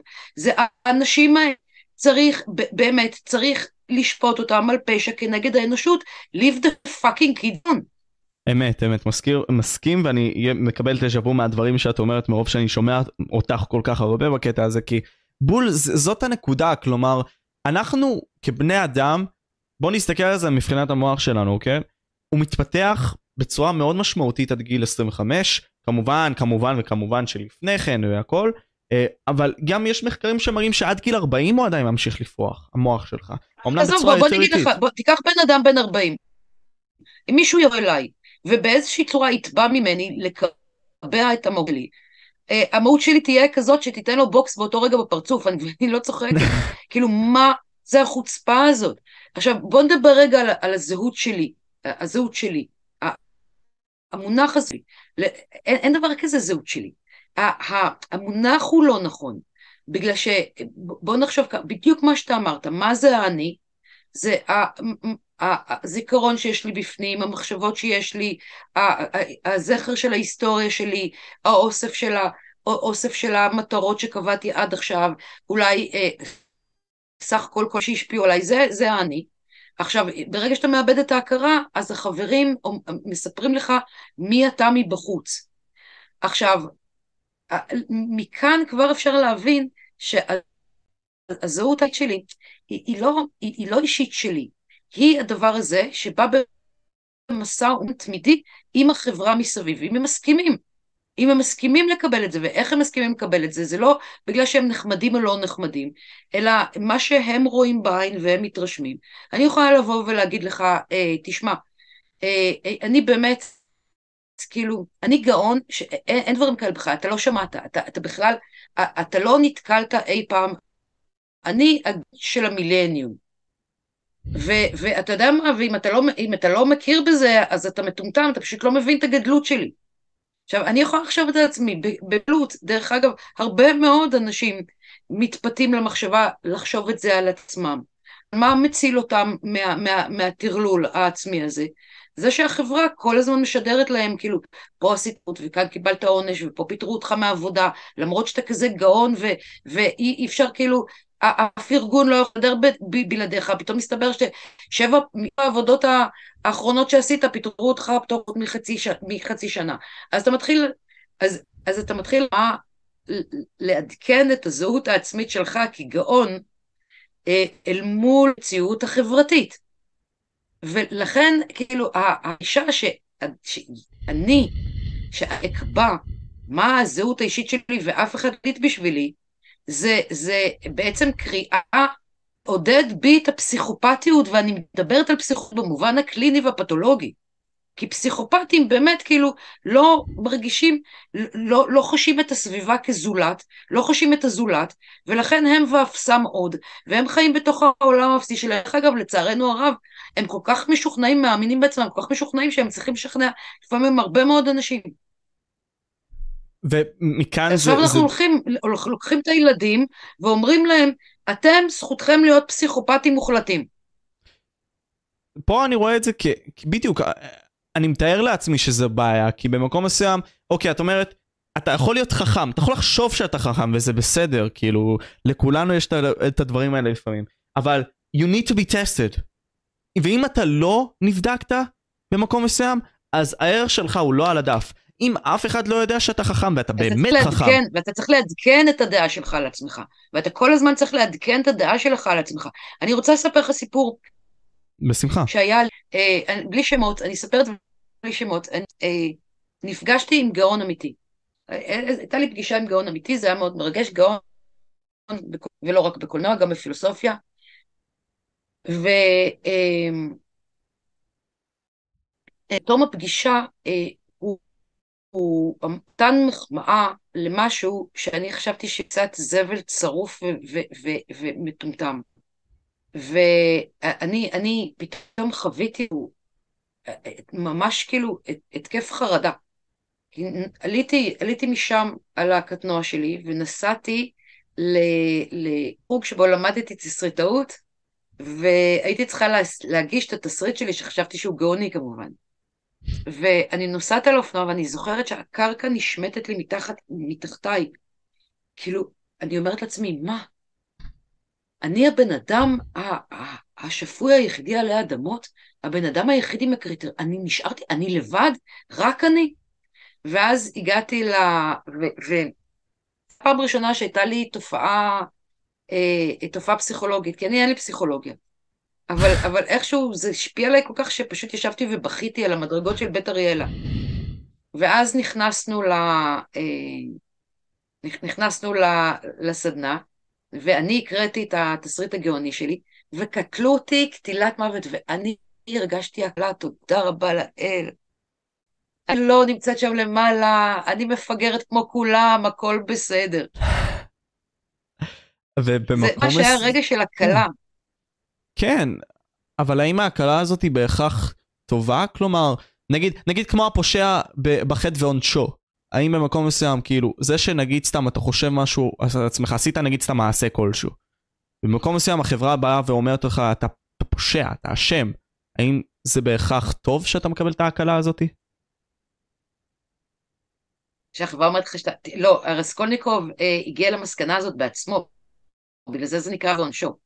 זאת אומרת, הוא בהתחלה, לאורך כל הספר, דווקא החברה, החברה עודדה אותו לרצוח את הזקנה, כי פור שהיה לו, אה, השיא של העידוד היה שהוא אה, מצא את עצמו באיזה בית מרזח, והיו שם חיילים, והוא סיפר לחיילים ש...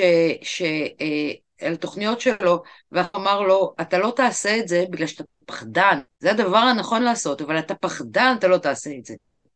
החברה כן שכנעה אותו בגלל שזה תפיסת המוסר של ג'ון סטיוארט מיל, זה התועלתנות.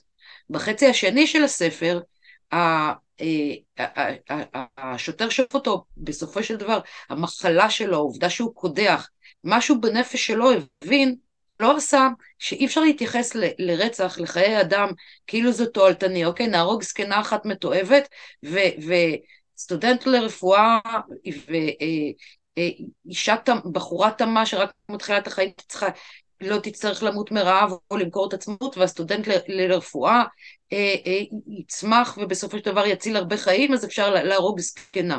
החלק השני של הספר, הוא מבין יותר מצד הנשמה שלו, שהוא חטא לאלוהים. הוא לא, הוא, לא, הוא לא עשה פשע, הוא עשה חטא. Hmm. אז פה טעיתי במקרה הזה, טוב שחידדת לי את זה, אבל אה, אם נחזור לסיפור שלך, את אמרת לי שכביכול הרגשת את הנוחות הזאת, את ה... וואו, סוף סוף משוחררת.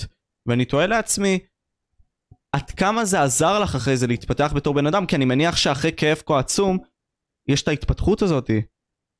מה זה? זה, זה היה רגע אחד של היסטריה, זה היה הרגע, הרגע שבו פתאום חשבתי שאולי כאילו אני ואפסי עוד, זה, זה היה הרגע אחד בתולדות כל ההיסטוריה שלי שכלל גם התקף חרדה. השתחררתי מהכאב חרדה, ש, שהחברה נתנה לי סטירת לחי, שתי סטירות לחי, וזהו, הכל עבר. הכל עבר.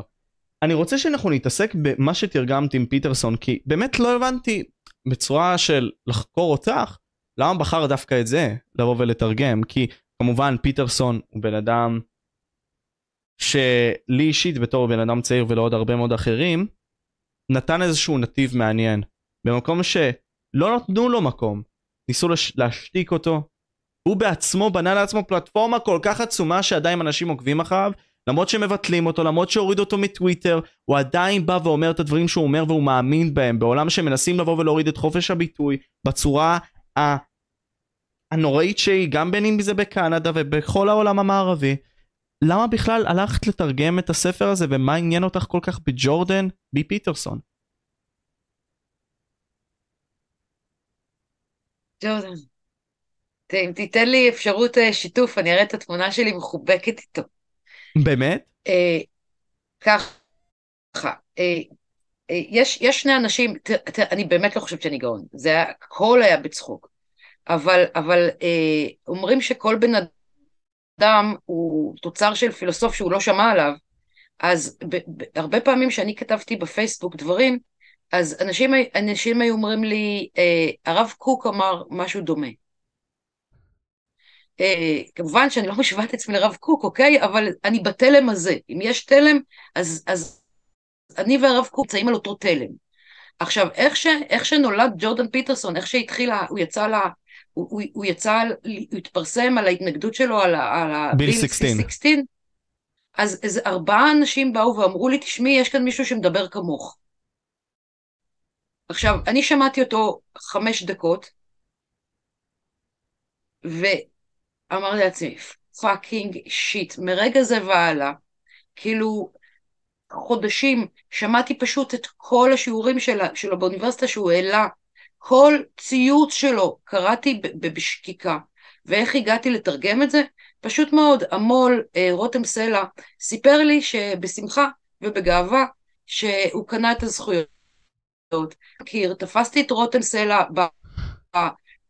בדש, בדש ביג, ביגדו, עידתי אותו לקיר ואמרתי לו אם אתה לא נותן לי לתרגם את זה אני ארביץ לך. וזה ככה זה היה בדיוק.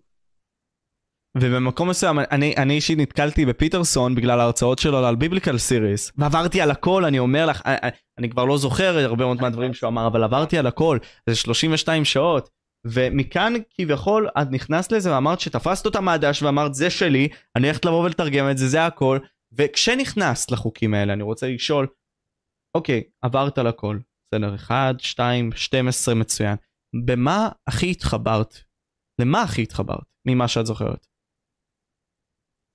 האם יש משהו ספציפי או שזה המכלול? כי לי נגיד כן. צצו שניים שהיו הכי מעניינים. בצורה אוקיי, משמעותית. אוקיי, ספר לי אתה. אני, אני, אני אתחיל, אבל אני אשמח גם לשמוע אותך. אני זוכר שקודם כל יש את... יש לי, ללא ספק כן. יש לי. זאת אומרת, אני לא, לא נשארתי אה, ללא מה, אבל ספר אתה. אה, קודם כל, אמרו אמת, או לפחות אל תשקרו. במקום מסוים, אה, אני הייתי במצב ש...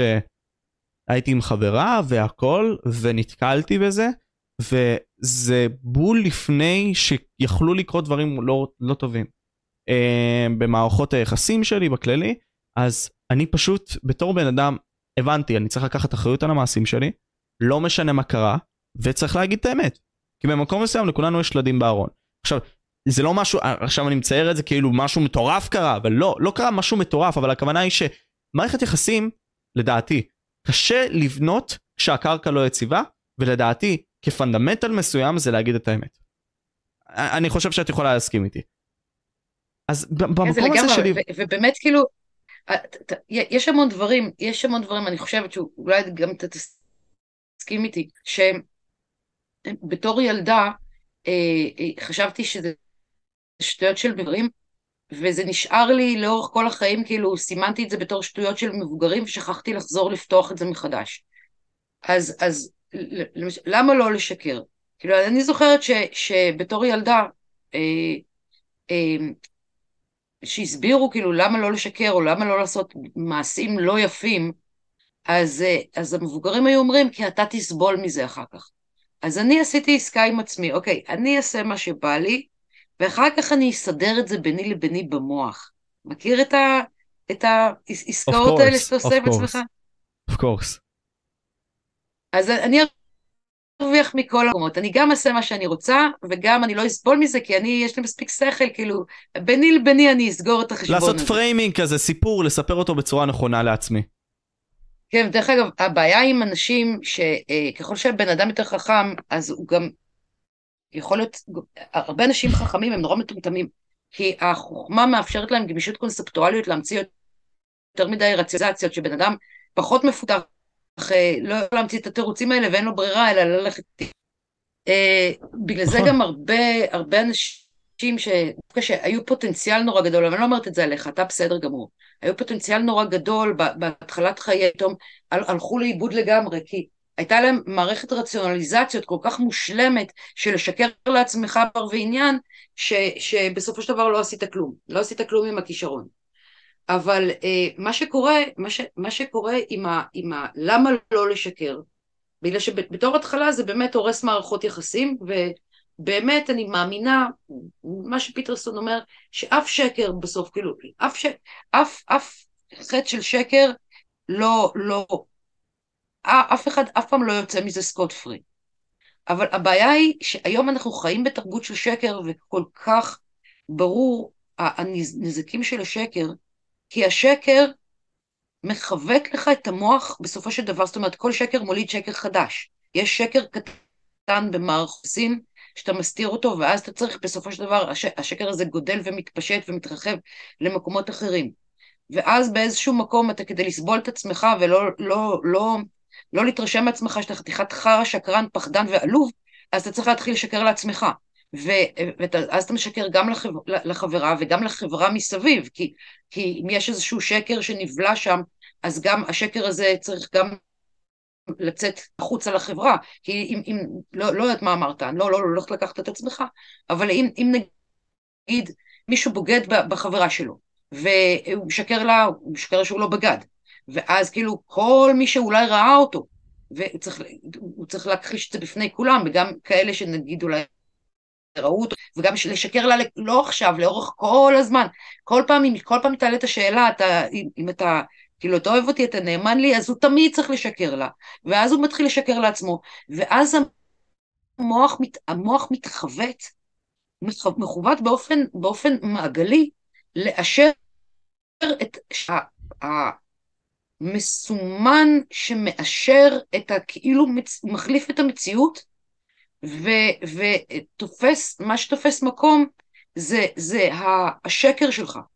ואני חושבת שאני אני פשוט רואה היום כמה השקר הזה פשט על ידי אנשים שבאמת, אני, אין, אין, אין מה, היום כדי להיות שמאלני, אתה צריך לתחש, לתחזק כל כך הרבה שקרים, שבסופו של דבר זה מכוות לך את המוח במעגליות לעצמך. וככה יוצא שבסופו של דבר הדעה היחידה שאתה שומע משמאלנים שהיא עקבית, זה שהשמאלני צודק. וזה הכל, כאילו אין, אין שם כלום, אתה, אתה, אין לך מקום, מכוו... מכוותים למעגליות כל כך מושלמת, שאין לך מקום לחדור אליה בכלל. את אומרת שהבי שלהם, את אומרת שנקודת הבי שלהם מוגדרת, והם מתרוצצים, כאילו, B מוגדר, ו-A זה מה שהם חושבים לנכון לצייר לעצמם, ככה את חושבת. רואים שאתה, כאילו לא מזמן עשית בגרות באלגברה. אה, לא, אבל, מה, שאני אומרת זה יש מסמן ויש מסומן. זאת אומרת, אה, נגיד מילה זה מסמן והמיקרופון שלך זה מסומן. אז מיקרופון. זה, המסומן. עכשיו, המסומן בדרך כלל הוא תופעה מחוץ, היא תופעה אובייקטיבית, היא לא תופעה פנימית. עכשיו, אם אתה מתרגל לאט לאט להחליף כל פעם את המסמן, את, ה, את, ה, את המצוי ברצוי, מספיק שאתה עושה את זה כמה פעמים, ובסופו של דבר כאילו אתה מתרגל להשאיר את כל המציאות מחוץ למשחק, ולכוות את תפיסת המציאות שלך לא מתוך המציאות עצמה, אלא באופן שמהדהד את ה-wishful thinking שלך.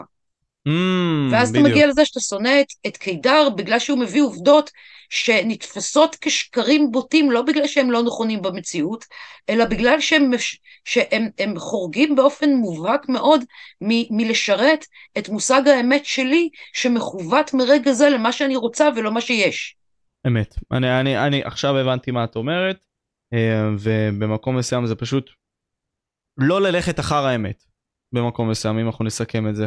ללכת, ו... אפילו אני, אני, אני, אני, אני אגזים, זאת אומרת, אני, אני אחדד את זה ואני אגיד, אנחנו רואים היום בני אדם חדשים לגמרי, במובן הזה שהתפיסת האמת שלהם מרפררת לא, לא למציאות, אלא ל-wishful thinking שלהם, באופן מעגלי ומוחלט. וה-wishful thinking שלהם מכוות לסוג מסוים של תפיסת מוסריות, או תפיסת עצמם אני מוסרית. ולכן, וזה עוד יותר מתבלבל, זאת אומרת, אם, אם, אם, אם, הייתי חושבת שאני מיליונרית והייתי מבזבז את כל הכסף שלי תוך, תוך זמן קצר, כאילו הבנק היה מתקשר, המציאות הייתה טופחת על פניי.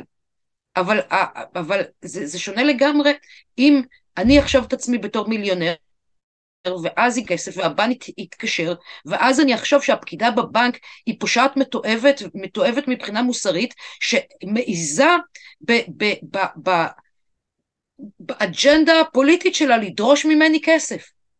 לקחת מהסטטוס הקיים שלי, זה לא פייר. אני עצרתי את זה, עבדתי בשביל זה, זה לא פייר. ו- ומי שתקבע בשבילי מה אני, אני, הזהות שלי זה מיליונרית. הבנתי. ואנשים עכשיו, מכוותים לזה ברצינות. אז- אז... כמעט כל הבדיחות, כל הבדיחות שיצרתי על השיח בהתחלה, לפני איזה עשר שנים, חוזרות ומהדהדות כמציאות. הנה, אנסת אותי. מה פתאום, אפילו לא הייתי בסביבה. אה, אז עכשיו אתה גם מגן על אנס?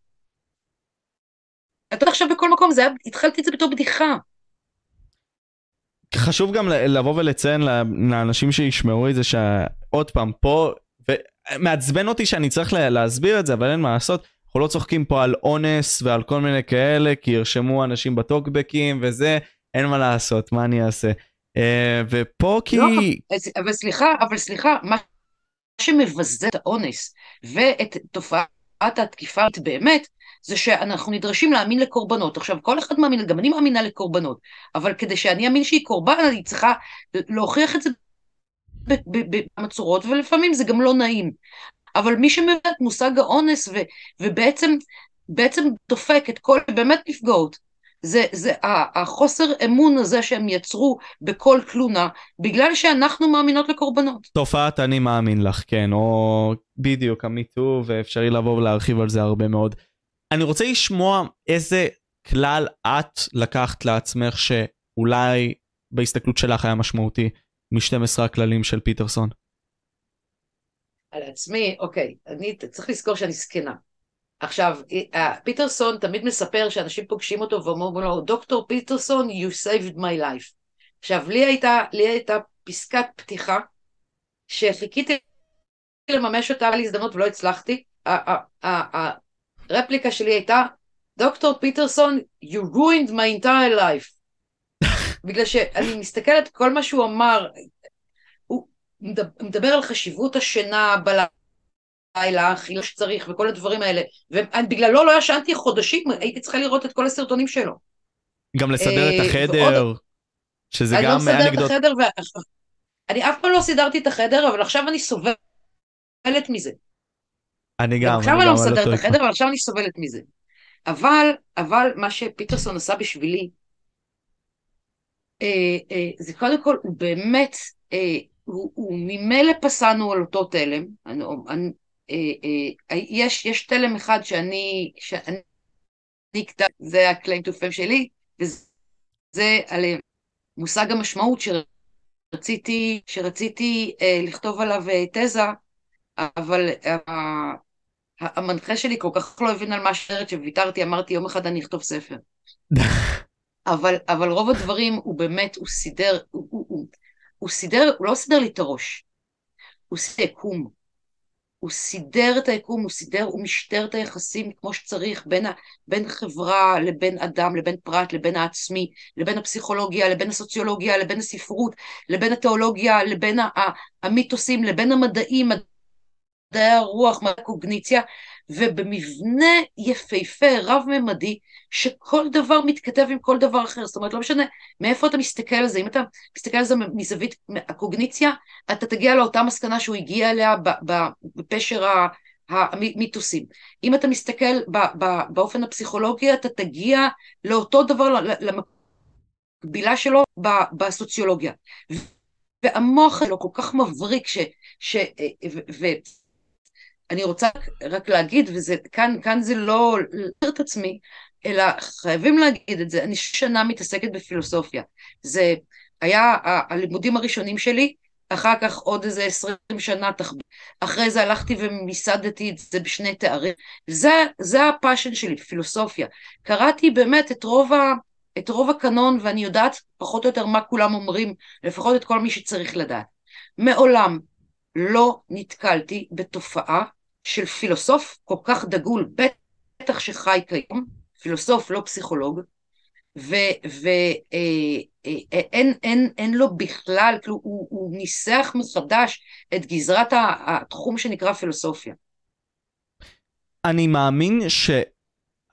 אני, אני רוצה כל כך להגיד לך שאני רילייט למה שאת אומרת, כי זה באמת נכון. אני מרגיש שהייתי אותו בן 17 וחצי וראיתי את הביבליקל סיריס, אני מרגיש שהוא פשוט סידר לי את הדברים במוח, בקונספטים, שהם מאוד מורכבים, שאני אבין אותם. וזה זה נתן לי הכל במקום מסוים. אה, אני מרגיש גם שאמרתי לא לקרוא אותו, אבל כבר טיפה, טיפה הלכתי. יום. כן, אז הוא, הוא גם טיפה סידר לי, אבל הוא גם טיפה גרם לי לחשוב יותר מדי. עכשיו, בסדר, אני מבין מה את אומרת, אני אנסה לקחת את העצה שלך, באמת, אבל אני אבל כבר הלכתי להרפתקה הזאתי.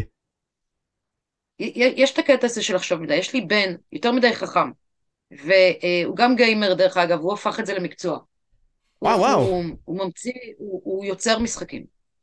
אוקיי. אה, אבל, אבל האופן שבו הוא כל הזמן מדקלם את מה, מה שעובר לי, אה, ומפרש את זה, אה, הוא יודע לפרש את זה גם לרמה של הנאירוכימיה. וזה אני חושבת לגמרי מיותר. כאילו אני אומרת לו, אלון, צא החוצה, תחיה, תשתפשף עם המציאות, תן למציאות לתת לך צ'פחות. אתה לא, אתה לא עד כדי כך מעניין שאתה צחק כל רגע ורגע בכל, בכל מה שנמצא לך בתודעה, איך אתה קולט את זה, איזה קולטנים עוברים שאתה קולט את זה, מה זה עושה לרגש, מה זה עושה לזה ומה זה עושה לזה. תעזוב, אל, אל תתעסק עם זה יותר מדי. זה, ההתעסקות היותר מדי הזאת, כי, כי בסופו של דבר, כן, שוב, לנהל עם עצמך כל הזמן מסך חקר וכל הזמן לשאול את עצמך, אבל לא לטבוע בזה, זה כמו לטבוע במשחק מחשב. כמו ללכת לאיבוד במשחק מחשב בלי לדעת לחזור הביתה. אני, אני כן מבין מה את אומרת, ואני מבין שזה מסע יותר מדי גדול לקחת על עצמך, ובמקום מסוים אתה צריך לבוא ולפרק את המסע הזה לכל מיני שלבים, מאשר ללכת על הר אברסט ישר. שזה נראה לי גם גישה נכונה, פשוט הצעיר שבך, ולדעתי גם הרבה מאוד צעירים היום, שרואים את הדברים שהולכים, אומרים, אוקיי, אני רואה עד כמה החברה היא כל כך פוגעת בנו הצעירים, שצריך לעשות משהו. עכשיו, אני כדוגמה לא רוצה להיות פוליטיקאי, כי אני חושב שהיסוד של להיות פוליטיקאי היום הוא לא נכון, וזה כבר הרבה מאוד תקופות ככה, זה לא עכשיו משהו שהוא אנקדוטלי. אבל במקום מסוים אני רוצה להשפיע על אנשים, כי אם אתה משפיע על סביבה, במקום מסוים אתה משפיע על החברה, ולהשפיע על החברה יכול לחשוב על, להשפיע על רעיונות, ורעיונות במקום מסוים זה כלים, וכלים בידי האנשים הנכונים, שהם גם במקום מסוים לא במאה אחוז יודעים מה הם יכולים לעשות איתם, זה דבר שהוא מאוד חסר היום, כי במקום מסוים רוצים שאתה תהיה בור. לדעתי. בוא נפליף, בוא נפליף, תשמע. אני לא הולכת בכלל להתווכח עם זה, כי, כי בין היתר כי אני לא יודעת. אני לא חושבת ש... אני לא חושבת ש... אה, אה, זאת הנחת היסוד שלי, שאנחנו, שהם רוצים שאנחנו נהיה בורים במקום מסוים, כי, כי במקום אז, מסוים... אז אם... אל תהיה, אוקיי? אז, אז, אז אתה רוצה להיות, אתה רוצה לשמש דוגמה מופתית, לשנות את החברה? תגיד החלטה אחת, אני לא מוכן להיות קורבן. אני לא קורבן של החברה. ויכול להיות, אני, אני, אני, אני החלטתי את זה אה, בגיל מאוד מאוד צעיר, כי בגלל המשונות שלי, הדיספוריה המגדרית האמיתית שהייתה לי, שהיא באמת אמיתית, לא רק לא, כאילו מישהו החדיר לי אותה, אלא, אלא כל הסביבה נאבקה בזה. אז, אז ככה אתה יודע שזה אמיתי, זאת אומרת, זה היה לא כדאי ברמות על. אז, אה, אה, אז, אז אני אמרתי, כאילו, אני לא מוכנה, אני לא מוכנה לקבל אה, סטריאוטיפים מגדריים, ולא במילים האלה, את יודעת, זה, הייתי ילדה קטנה, אבל, אבל אני מתרגמת את זה עכשיו. אני מוכנה לאמץ סטריאוטיפים מגדריים שלא הולמים את התחושה שלי. אני מרשה לעצמי לעשות דברים שלא הולמים את הסטריאוטיפים החברת, החברתיים, כי זה חשוב לי יותר. מצד שני, חשוב מאוד, מאוד מאוד מאוד חשוב. המשימה הראשונה של כל יצור שנולד לעולם לאורך כל חייו, זה להיות האדם הזה שהחברה תהיה מוכנה לסבול אותו. לא להפעיל על החברה ולהגיד לה, אתם צריכים לקבל אותי כי כזה אני, אלא הבן, כל אחד המשימה הקשה ביותר של כל בן אדם, שהוא נאבק בה כל חייו, זה לא לחברה, שהחברה תשמח לקבל אותו, כי הוא נחמד, כי הוא מעניין, כי הוא מצ... כי הוא תורם, כי הוא לא מפריע, כי הוא לא תובעני, כי הוא לא קרצייה, כי הוא לא בכיין והוא לא קורבן. ובתקווה שככל שהוא יתפתח הוא גם ילמד דברים, יתרום, ימציא דברים ויתרום לחברה, או יהיה חייל אמיץ ו... ו... ויציל את ה... יציל את ה... את ה... יציל אנשים ממוות, אוקיי? אבל הקונפורמיזם הוא, הוא, הוא אתגר שלקח לי 50 שנה להבין שנון קונפורמיזם זה, זה, זה יותר קל. כל כך הרבה יותר קל להגיד, אני קובעת את החוקים של עצמי, אני עושה מה שבא לי, אני לא מעניין אותי מה הסביבה אומרת, אני מתקפת את עצמי בעצמי, ובזה אני מאוד מאוד מאוד טובה, כי התאמנתי על זה הכי הרבה. רק, רק עכשיו, בזכות פיטרסון, הבנתי שיש את הצד השני שאני התעלמתי ממנו, שקונפורמיזם זה משימה והכרחית. ולכן מה שאני, מה שאני אומרת עכשיו, כן, תהיו מרדנים בדרישות החברה, כשאתם חושבים שהחברה מנסה לדכא את, ה, לדכא את השכל שלכם, אז אל תמותו טיפשים, אז תלמדו. אם אתם חושבים שסטריאוטיפ כזה או אחר חברתי, וסטריאוטיפים תמיד יהיו, אין מה לעשות, אפשר רק להחליף אותם בסטריאוטיפים אחרים, לפעמים גרועים יותר, סטריאוטיפ חברתי עומד בדרככם, תהיו יותר, יותר טובים. אני הלכתי, מיד אחרי הצבא קניתי טוסטוס, ישר הלכתי לעבוד בשליחויות. עכשיו, כל פעם שחשבתי שאני אתקל בשוביניזם גברי, זה תמיד היה להפך. הגעתי לשם, אמרו לי, או, או, איזה יופי, סוף סוף בחורה. הייתה לנו פעם בחורה, היא הייתה הכי טובה שלנו. עכשיו, אני לא הייתי הכי טובה שלהם, הייתי הכי גרועה אי פעם, אני לא הייתי קרוא מפה, אני לא זוכרת, אבל, אה, אבל בסדר, לא קורה. אני חושבת שהדבר הנכון בשבילך לעשות, זה, זה להציג מודל לסביבה שלך ולמאזינים שלך, מודל כזה שאומר, אני לא הולך להתריס כנגד החברה ולראות את עצמי כקורבן של החברה, ולכן להילחם בחברה. חברה זה גם אתה ואני. נכון. חברה זה מושג מופשט. אני, אני עושה את הדברים שנראים לי הכי נכונים. אני אומר, אני עושה את הדברים הכי נכונים, שנראים לי הכי נכונים, אני יודע שזה לא פופולרי. אני, אני, אני משתדל לעשות את, למלא את הציפיות של החברה, של ההורים שלי, של המורים, של המפקדים שלי בצבא, ואני מחויב לדבר הזה עד לנקודה הספציפית המסוימת הזאת, ששם חשוב לי לחרוג מהשורה, אז אני אהיה מחויב לעצמי. זאת המחויבות שלי לעצמי. ואני חושבת שזה האיזון הנכון. אני מאמין כאילו, שאת צודקת. לכוון... לא, אני, אני מצטער שקטעתי אותך שוב, זה בגלל כן. האינטרנט, אבל אמרת לכוון ל... לא, לא, לא, בסדר, בסדר, אני מדברת יותר מדי. לא לא זה לא שאת מדברת יותר מדי פשוט באמת הקיטועי אינטרנט האלה זה כאילו filled in the gaps ואני לא מצליח לשמוע באחוז מה שאת אומרת. אה, פשוט אבל אצלי מש... זה מושלם. לא בדיוק אבל אצלי זה טיפה כזה קטוע טיפה טיפה לא עכשיו נגיד סתם את מדברת ולפעמים קרו מקרים בשיחה גם שנגיד סתם את אמרת משהו נעצרת אמרתי אז את אומרת ואז זה כביכול אני קוטע אותך אבל דווקא אני רוצה לשמוע. אוקיי יש יש אה, כאילו פער כן. כן, אבל בסדר, אה, מחילה, לא, לא בכוונה שלי, אמרת לכוון למשהו. כן, אני, אני, חושבת ש, אני חושבת שהאיזון הנכון זה באמת לעשות את מה שמצפים ממך, מה שהחברה מצפה ממך, מה שההורים מצפים ממך, לתת לציפיות של אחרים להכתיב לך את החיים. עד לנקודה המסוימת הספציפית הזאת, שבה אה, יש לך דעה מוצקה ונחושה לגבי דבר שהוא שלך. אני, אני הלכתי לקנות אופנוע, כאילו, אני רציתי לקנות, השתחררתי מהצבא, רציתי לקנות ג'אווה. ג'אווה זה, זה 400 כוח סוס, זה היה מפלצת, אה, כיתה נורא זולה, כי היא הגיעה אז מצ'כיה. אבא שלי שמע את זה, ישר אמר, תעזבי, כאילו, אל תקני מהכסף שלך, אני אקנה לך, והלך לחפש את הטוסטוס הכי קטן, זאת אומרת, לא רק חצי, אלא זה היה הטוסטוס הכי קטן מכל, מכל ה-50 סמ"קים שיש בשוק. פוך קראו לו, פוך. תמיד אמרו לי, כאילו, איך את נוסעת עם פוך בקיץ? בכל אופן, אה, אה, נסענו לשם, כאילו, אימא שלי הצטרפה, ולאורך כל הנסיעה, אבל תראי לי, תראי לי בחורה אחת על אופנוע כאן בכביש, תראי לי. אנחנו מסתכלים על אופנוען כאילו איזה גבר. תראי לי אחד, הנה, תראי, תראי, תראי לי, תראי לי איפה, איפה. עכשיו, אבא שלי אמר את הנכון. הוא אמר, כאילו, הוא אמר לה, נעמי, עושה רושם שהילדה לא מסוגלת להיות מאושרת אם לא יהיה לה אופנוע. וזה היה נכון. על דברים אחרים הייתי מוכנה לוותר. רציתי, רציתי שירות קרבי, ויכולתי להגיע אליו. הייתי טירונות אחת, הייתי צריכה לג'בלע על המוחרקה, גמרתי עם כל השאיפות האלה, מספיק כאילו, תנו לי...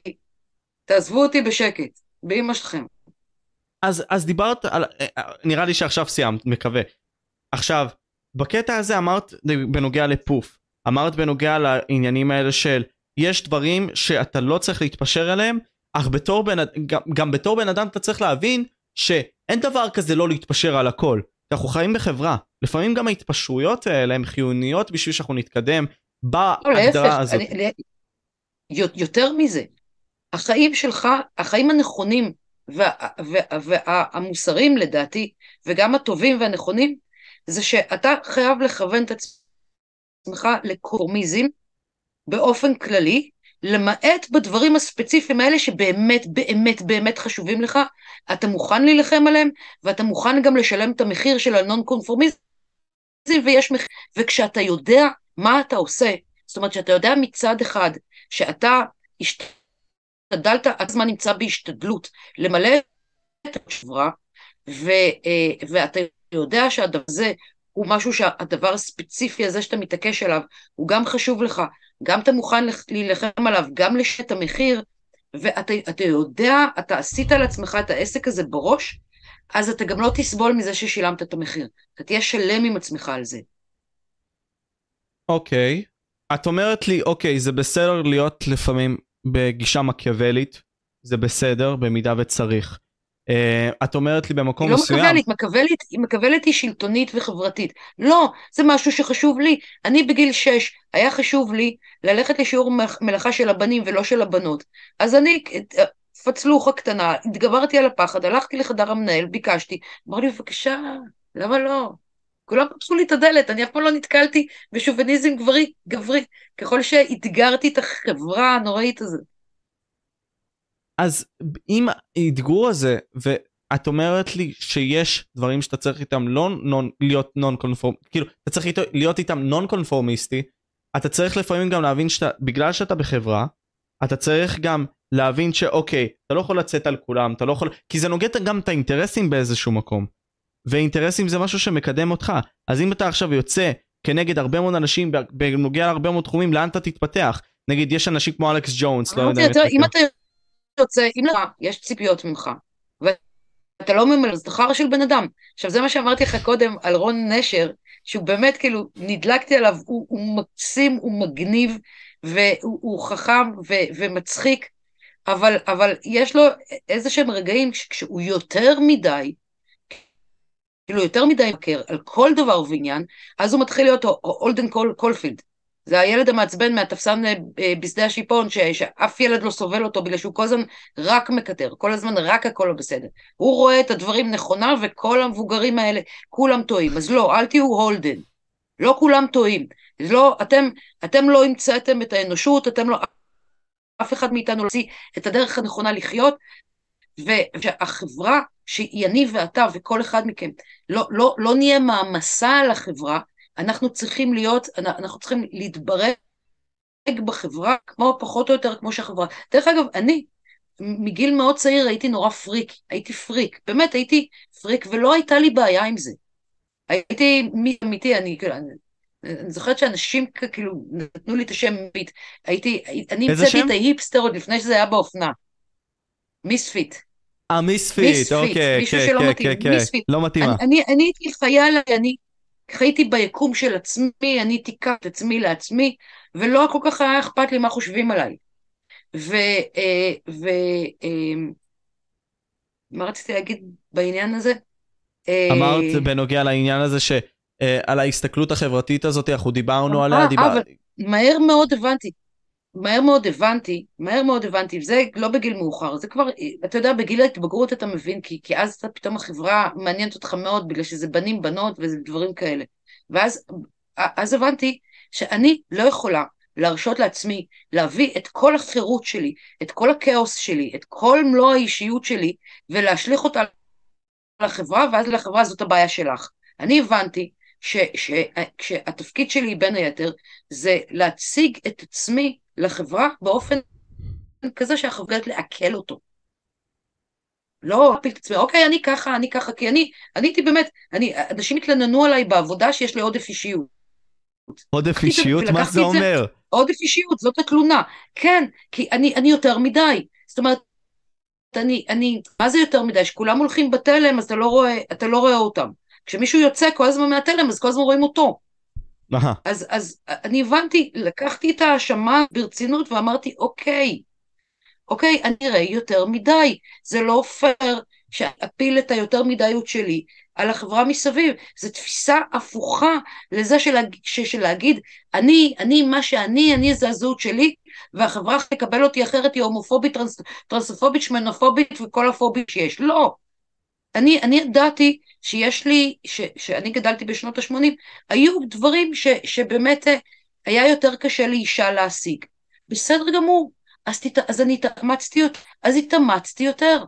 זה בסדר, ת, לכל בן אדם, לכל מגדר, לכל סוג, יש דברים שיש, יש כאלה שיותר קשה להם להתקדם בלימודים כי הם באו מבית ללא השכלה, יש כאלה שקשה להם להתקדם בקריירה כי ההורים לא יכולים לתמוך כלכלית, יש כאלה קשה להם, קשה להם יותר להיות רזים וחטובים, שהגנים שלהם קצת יותר שמנופובים. כל אחד מתמודד, כל אחד זה לא שנשים הן מקופחות, לכל אחד יש אינסוף קלפים, וחלק מהקלפים הם רעים. אז בקלפים, אם, אם השאיפה שלי הייתה כאילו אה, אה, אה, לעבור, לעשות טסט באופנמנו, שזה היה סאגה, לעשות טסט, אז ידעתי שאני צריכה להתאמץ יותר. מה לעשות? בחלק מהדברים, אני, אני אישה, אני פחדנית, אני קצת אבלה, ואני מפחדת ממכונות, ומעולם לא התאמנתי במכונות עד שראיתי, עד שהתיישבתי על אחד. זה כאילו, את אומרת לי פה במקום מסוים, לכל אחד יש את הגיפר טייקס שלו. אין מה לעשות. אין מה לעשות, אנחנו נצטרך לפעמים לתת ולהקריב ממה שאנחנו בשביל לקבל משהו אחר, אין מה לעשות, כי אנחנו בחברה שהגדירה גם תדמי, אה, תדמית כלשהי עליך בתור גבר, עלייך בתור אישה וכל מיני כאלה, ואין מה לעשות. החברה לא אשמה, חובת ההוכחה היא עליך, חובת ההוכחה היא על הפרט. עכשיו, אנחנו מדברים לחברה, חברה, חברה, עכשיו, חסר לנו ש... שבמאה ה-19 כאילו היה פחות uh, Women's Lib ופחות uh, חופש לנשים, אבל היה את uh, לו סלומה, שפרפרה uh, על קצה, קצה האצבע שלה את ניטשה, צ'ופן, רק שנייה, ניטשה, צ'ופן, את, ולדעתי גם את uh, uh, שופנהאואר. ופילוסופית, אישה, כאילו כשאתה רוצה משהו, כאילו רוב הנשים... אה, אתן הולכות כבר? כן. אז לא הספקתי בכלל לראות אתכם. אוי. טוב, אני באמצע לא, לא שידור לא חי. מה? כבר לא? לא נעים. לא נעים, לא נעים. כן, ממש. תבואו עוד פעם. ביי רותם, ביי מורני. מתנצל. בקיצור, בקיצור, החברה תמיד מגבילה. זה, זה, תרבות, תרבות משמע הגבלות. זה המשמעות של תרבות, תרבות מגבילה. אז, אז אתה תמיד תחיה בתרבות שתגביל. עכשיו, דרך אגב, ה progress לא משחרר אף אחד משום דבר. ה progress הוא, הוא, הוא אלים, בוטה ודכאני, הרבה יותר מאשר החברה שיש מנסה לשנות. אבל, אה, אבל החברה תמיד, היא תמיד דכאנית. עכשיו, לכן המשימה האישית, לדעתי, ובסיוע הגדול של פיטרסון, כי עד אז לא ראיתי את הצד השני, כי אני, יש לי נטייה באמת להתמקד ב, באישי, בפרטי שלי. התמחיתי ב, בלהיות אני. אבל, ו, ושכחתי כאילו לס, לשים לב שבעצם יש שם חש שם בחוץ. ואני גם כל כך מבינה איך, איך, איך, איך אנחנו נוצרים בכל רגע ורגע כתוצר של דיאלוג תמידי עם, עם, עם החברה, אבל לא עם החברה, עם הסביבה. כשאני מדברת איתך, כשאני מדברת עם אנשים, שהאופן פעולה שלי, איך שאני מתנהגת אנשים בעבודה, איך אני מתנהגת עם אנשים שמתחתיי, איך אני מתנהגת עם הבוסים שלי, איך אני מתנהגת עם כל אחד, כל, בכל רגע רגע. אתה, אתה, אתה מייצר את עצמך, אתה משייף את... זה, זה מטאפורה יפי. למה שרציתי רציתי בכיתה א' ללכת לשיעורי מלאכה, כי כשהיינו הולכים חבורה יום בדרך, אז, אז הבנים, היה להם מין קרש כזה, והם היו משייפים אותו כל הזמן, משייפים, משייפים, משייפים, משייפים, בסוף, בסוף השנה יצאה ציפור, עם מקור כזה ארוך, זה היה הפסל שהם עשו. ושייפים, משייפים, משייפים, יצא ציפור. עכשיו, בינינו, אני מקווה שאין כאן ילדים קטנים, רק אחרי שנים הבנתי למה נתנו רק לבנים את, למן את התנועה הזאת של, של כף היד, אבל לא משנה. אה, גם לבנות זה עוזר. בכל אופן... גם לבנות זה עוזר, בסדר, נו. גם כן, לבנות זה עוזר אפילו יותר. אה, אז לבנות יש יותר מציפור אחת. לבנות יש יותר מציפור אחת, נו. בסדר, נו, אוקיי, אוקיי, תקשיבי. במקום לא, מסוים... אבל המטאפורה הזאת, שנייה, שנייה, שנייה. לא, לא, לא, זה מטאפורה טובה, זה מטאפורה טובה. השיוף הזה, השיוף, השיוף, אתה כל הזמן משייף, אתה משייף את עצמך. אתה משייף את מול עצמך. החברה, זהו. אתה משייף את עצמך מול החברה, כלומר, את אומרת לי, אם אני אנסה להבין אותך שוב, כי אני מקווה שאני אני רוצה להבין אותך, את אומרת לי, יש את מה שהפלט שלי לחברה, החברה תחזיר לי תגובה. בהתאם לכך, אני צריכה לבוא ולהתנהג. לחיוב או לשלילה של התגובה. וככה ליצור את עצמי בבלנס מסוים, שיכול גם להיפגש עם מי שאני, וגם להיפגש עם מה שהאנשים בסביבה רוצים, או הסביבה רוצה ממני. נש- נשמע לך, כאילו, זה נופל לך, כאילו, זה נופל לך למקום שנשמע טוב? נשמע לך כאילו מסדר משהו? לא, לא, לגמרי, אני פשוט רציתי לסדר את זה גם לקהל הצופים, כי זה לא שאת לא הסברת את זה טוב, פשוט רציתי לחדד את זה עוד יותר אה, בסגנון האישי שלי. אה, כי אחרי הכל גם, הם, כמו שאמרת, נגיד סתם עם אותו בחור, ש... אה, אני לא יודע, מי, זאת הייתה? הנכדה שלך שמעה אותו? הילדה שלך שמעה אותו? בא ומדבר? עם הסגנון. שלך? כן. אין לך נכדות? יש לך ילדות, יש לך שלושה ילדות, נכון? זה אני יש לי לפחות צודק? בנות ובן. נו, נו, לא, אוקיי, בסדר, סליחה, סליחה עם האי דיוק. אה, אז את לא, אומרת לי כי אם האינפורמציה לא נכונה, נעשה חדש. אז את אומרת לי, אוקיי, שתי, שתי ילדות ובן אחד, ואני זוכר שאמרת לי שאחד מהבנות שלך שמעה אותו ואמרה, אמא, זה נשמע בדיוק כמוך, במקום מסוים. אה, הבן שלי, כן, הבן שלי. הבן שלך. בן 30 דרך אגב, זה... אז, אז זה למה אני אומר שהשפה שאני כביכול אומר, זה השפה שכביכול הם אולי מבינים כי הם נמשכים אליי למה שאני אומר, אבל בלי קשר. אני רוצה לבוא ולתת לך את הבמה גלי, כי דיברנו פה קרוב לשעה וחמישים וחמש דקות, באמת על נושאים מאוד רחבים. ואני ממש מעריך את זה שנתת לי במקום מסוים את ההזדמנות לבוא ולהתעמק להתעמק איתך בשיח. כי זה, זה, זה חשוב לדעתי במקום מסוים, כי העולם שלנו כן צריך את השיחות האלה. העולם שלנו כן צריך את האנשים שידברו בצורה אותנטית. ואת אותנטית. את, גם כפי שאת אמרת ברעיונות אחרים שלך, את טריקסטרית, ואת לפעמים גם יכולה להיות פרובוקטיבית כזאת, אבל זאת את. או לפחות מה שאת רוצה להציג ממך, וזה מגניב. כי זה המוזרות שלך, וזה זה מה שנראה לי גם מושך אותי לתוכן שלך. כי... כי... כי... כי מתרגל, אתה מתרגל כאילו להתנהל בחיים שאתה לא קורבן של החברה, ואתה לא מגדיר את עצמך כקורבן של החברה, אז קרוב לוודאי אתה תצמח להיות משהו שמסוגל לתקף את עצמו ברוב המקרים. והתיקוף העצמי הזה אצלי היה צריך להיות תיקון, אני הייתי צריכה להיות יותר קשובה, ללמוד להיות יותר קשובה, בשעה ש... במיוחד בחינוך העכשווי, אז, אז אה, גורמים, גורמים לאנשים, כאילו, ככל שהם לילדים יותר, שהם צריכים להיות מה שהם, ככה הם, הם הופכים, הם מאמצים יותר חרדה חברתית. זה, זה עובד כאילו הפוך. ואני רוצה להגיד לך שה claim to fame שלי, אה, בעניין ה trickster, היה מונ, חבורת מונטי פייתון, נפטר להם אחד, אני לא זוכרת אף פעם את השם שלו. אוקיי. והייתה אזכרה, היה memorial אה, אה, ממלכתי, המלכה השת, הש, השתתפה ב, ב, בטקס, ואז נדמה לי זה היה ג'ון קליז שהספיד את, אה, אני חושבת שקראו לו טרי, הספיד אותו ואמר, טרי was very proud to be the first person in BBC TV to say the word, the word fuck. Now, לא I'm proud, I'm even prouder to be in a, in a, a memorial ממלכתי and to say the word can't. וזה can't זה המילה הכי גסה במילה, במילה, ב- ב- בשפה הבריטית. עכשיו, הקליים טו פיים שלי, זה שאני הייתי באולפן טוב, שזה האולפן של הקהל הדתי, ועשיתי ככה. את עשית את זה לפני זה כמה, כמה חודשים, לא? היה גם. לפני שלושה שבועות בערך. כן, אני, אני זוכר את זה, אני, אני לא זוכר ספציפית על מה דיברת, אבל פתאום הסרטון הזה שוב התפוצץ, כאילו, ממש שוב התפוצץ. הגיע לזה כמה, 30 אלף צפיות היום בערך, משהו בסגנון הזה? 35? היום בדקתי במקרה, זה היה 34, וכל התגובות חיוביות. אני יודע, והם באים ואומרים לך, וואו, איזה תותחית, איזה טובה, וכל מיני כאלה, וראיתי את זה גם לפני שנכנסתי איתך לראיון, זה היה כזה כמה שעות לפני. אה, זה היה נראה לי באקטואליה יהודית, נכון? בערוץ שלהם. אז כן, ראיתי את זה. אני רוצה להגיד שאם זה, זה התגובה, אם פרופורציה נעה. לפעמים צריך לעשות ככה. וזה בא דרך אגב לחברה, החברה עושה לנו ככה, לפעמים צריך לעשות לה ככה, ולהגיד לחברה, את משפיעה עלינו, השאלה הייתה איך אנחנו מרגיעים עכשיו את השמאלנים מזה שהם מפוחדים שקמה מממשלת ימין. ככה. זה, זה מסדר את הראש גם לשמאלנים.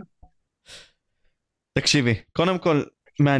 החוויה הזאת והמסע הזה שעברתי איתך בכמעט שעתיים האלה היו נפלאים, בין אם זה בירידות שלי והעליות שלי, ובין אם זה גם בדברים שאת הצגת כתגובה עליהם, ואני ממש מעריך את זה. רק אני רוצה לתת ממך עוד משהו, וזה מסר לאנשים צעירים, כי כפי שאת יודעת, הצעירים עצמם, לפחות בחוויה האישית שלי, אני לא רוצה עכשיו להגדיר את זה כעובדה, אבל uh, אנחנו נמצאים בשני עולמות, שני עולמות מרכזיים, שברובם אנחנו צריכים למצוא את עצמנו. עולם ה... העולם שלה בחוץ, העולם שנקרא כדור הארץ פשוט, ששם אנחנו צריכים למצוא מי אנחנו ומה אנחנו. במקום מסוים זה כאוס, וכפי שאת יודעת זה לא משהו חדש, אנשים מאז ומעולם ניסו, ניסו למצוא משמעות או משהו בסגנון הזה, או ניסו לשרוד ועל פי כך חיו את החיים שלהם. אה, או, ועכשיו לחלופין יש את העולם הזה של עולם המסך.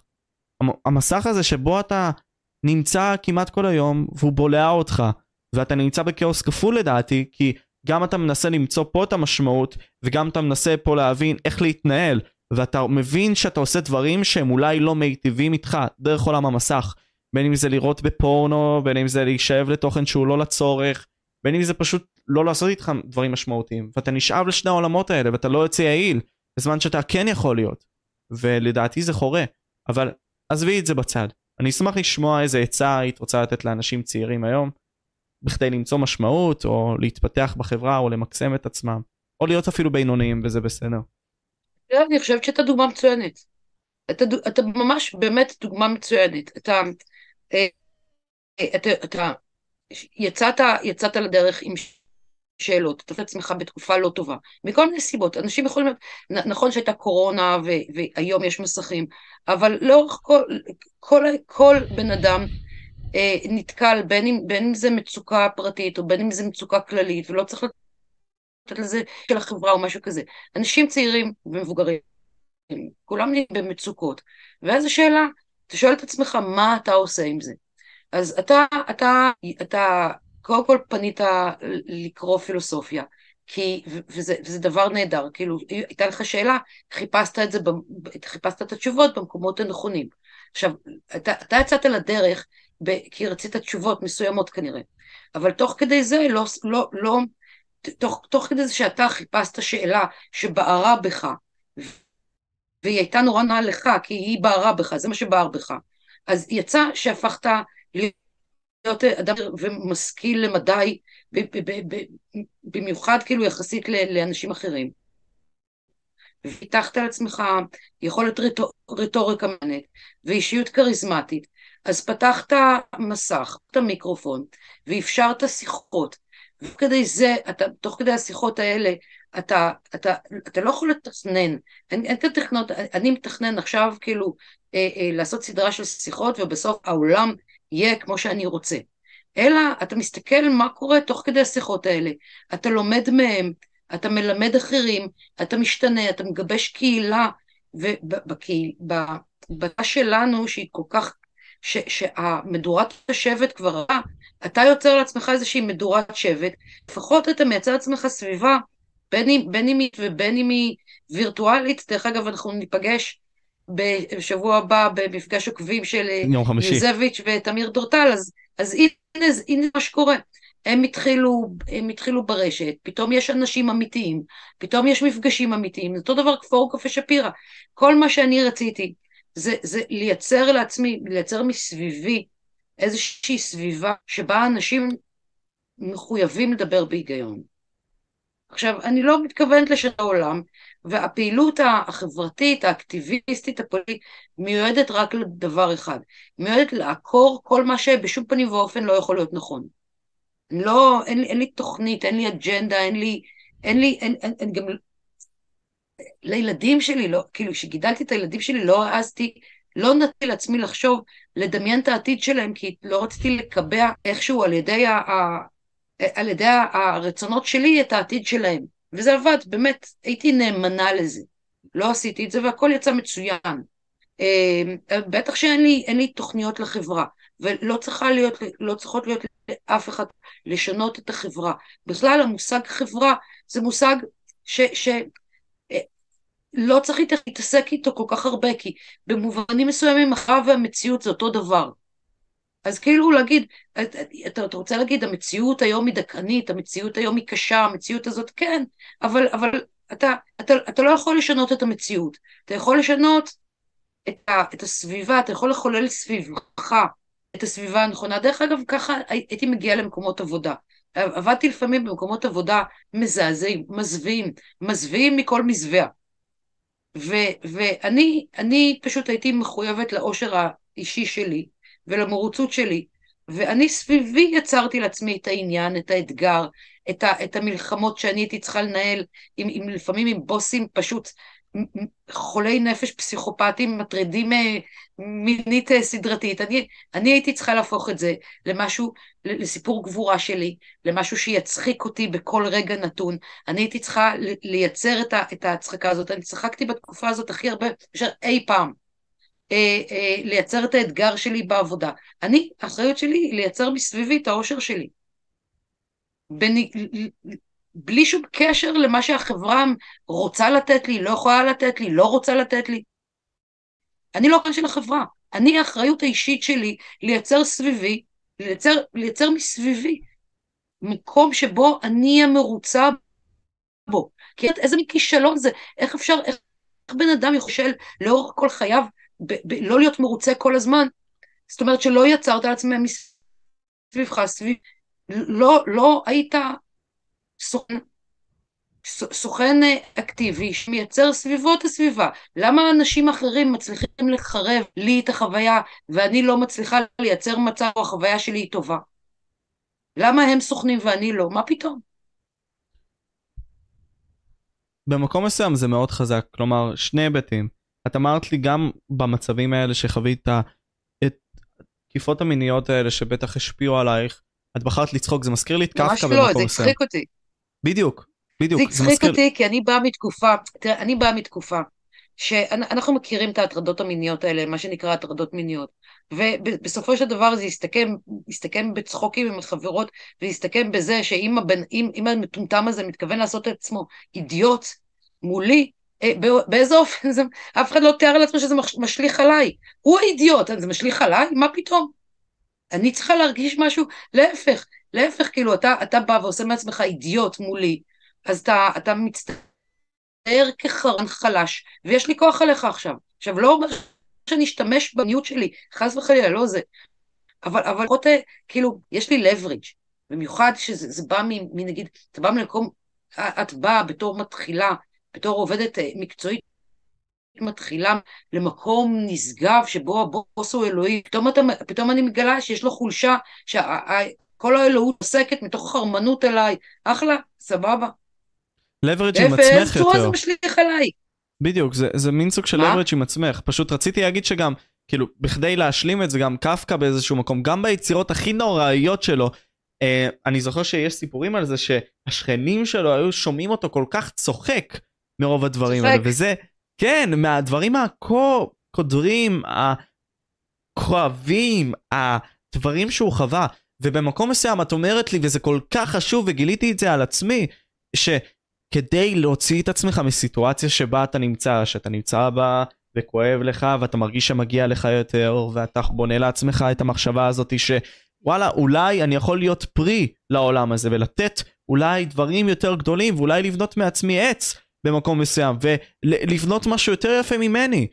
במקום מסוים זה לשלוט גם על הסביבה, להגדיר אותה בצורה חיובית, כי במקום מסוים אני כמו צמח. אני כמו צמח. ואם אני לא נותן לעצמי את הסביבה האופטימלית אני יכול לנבול.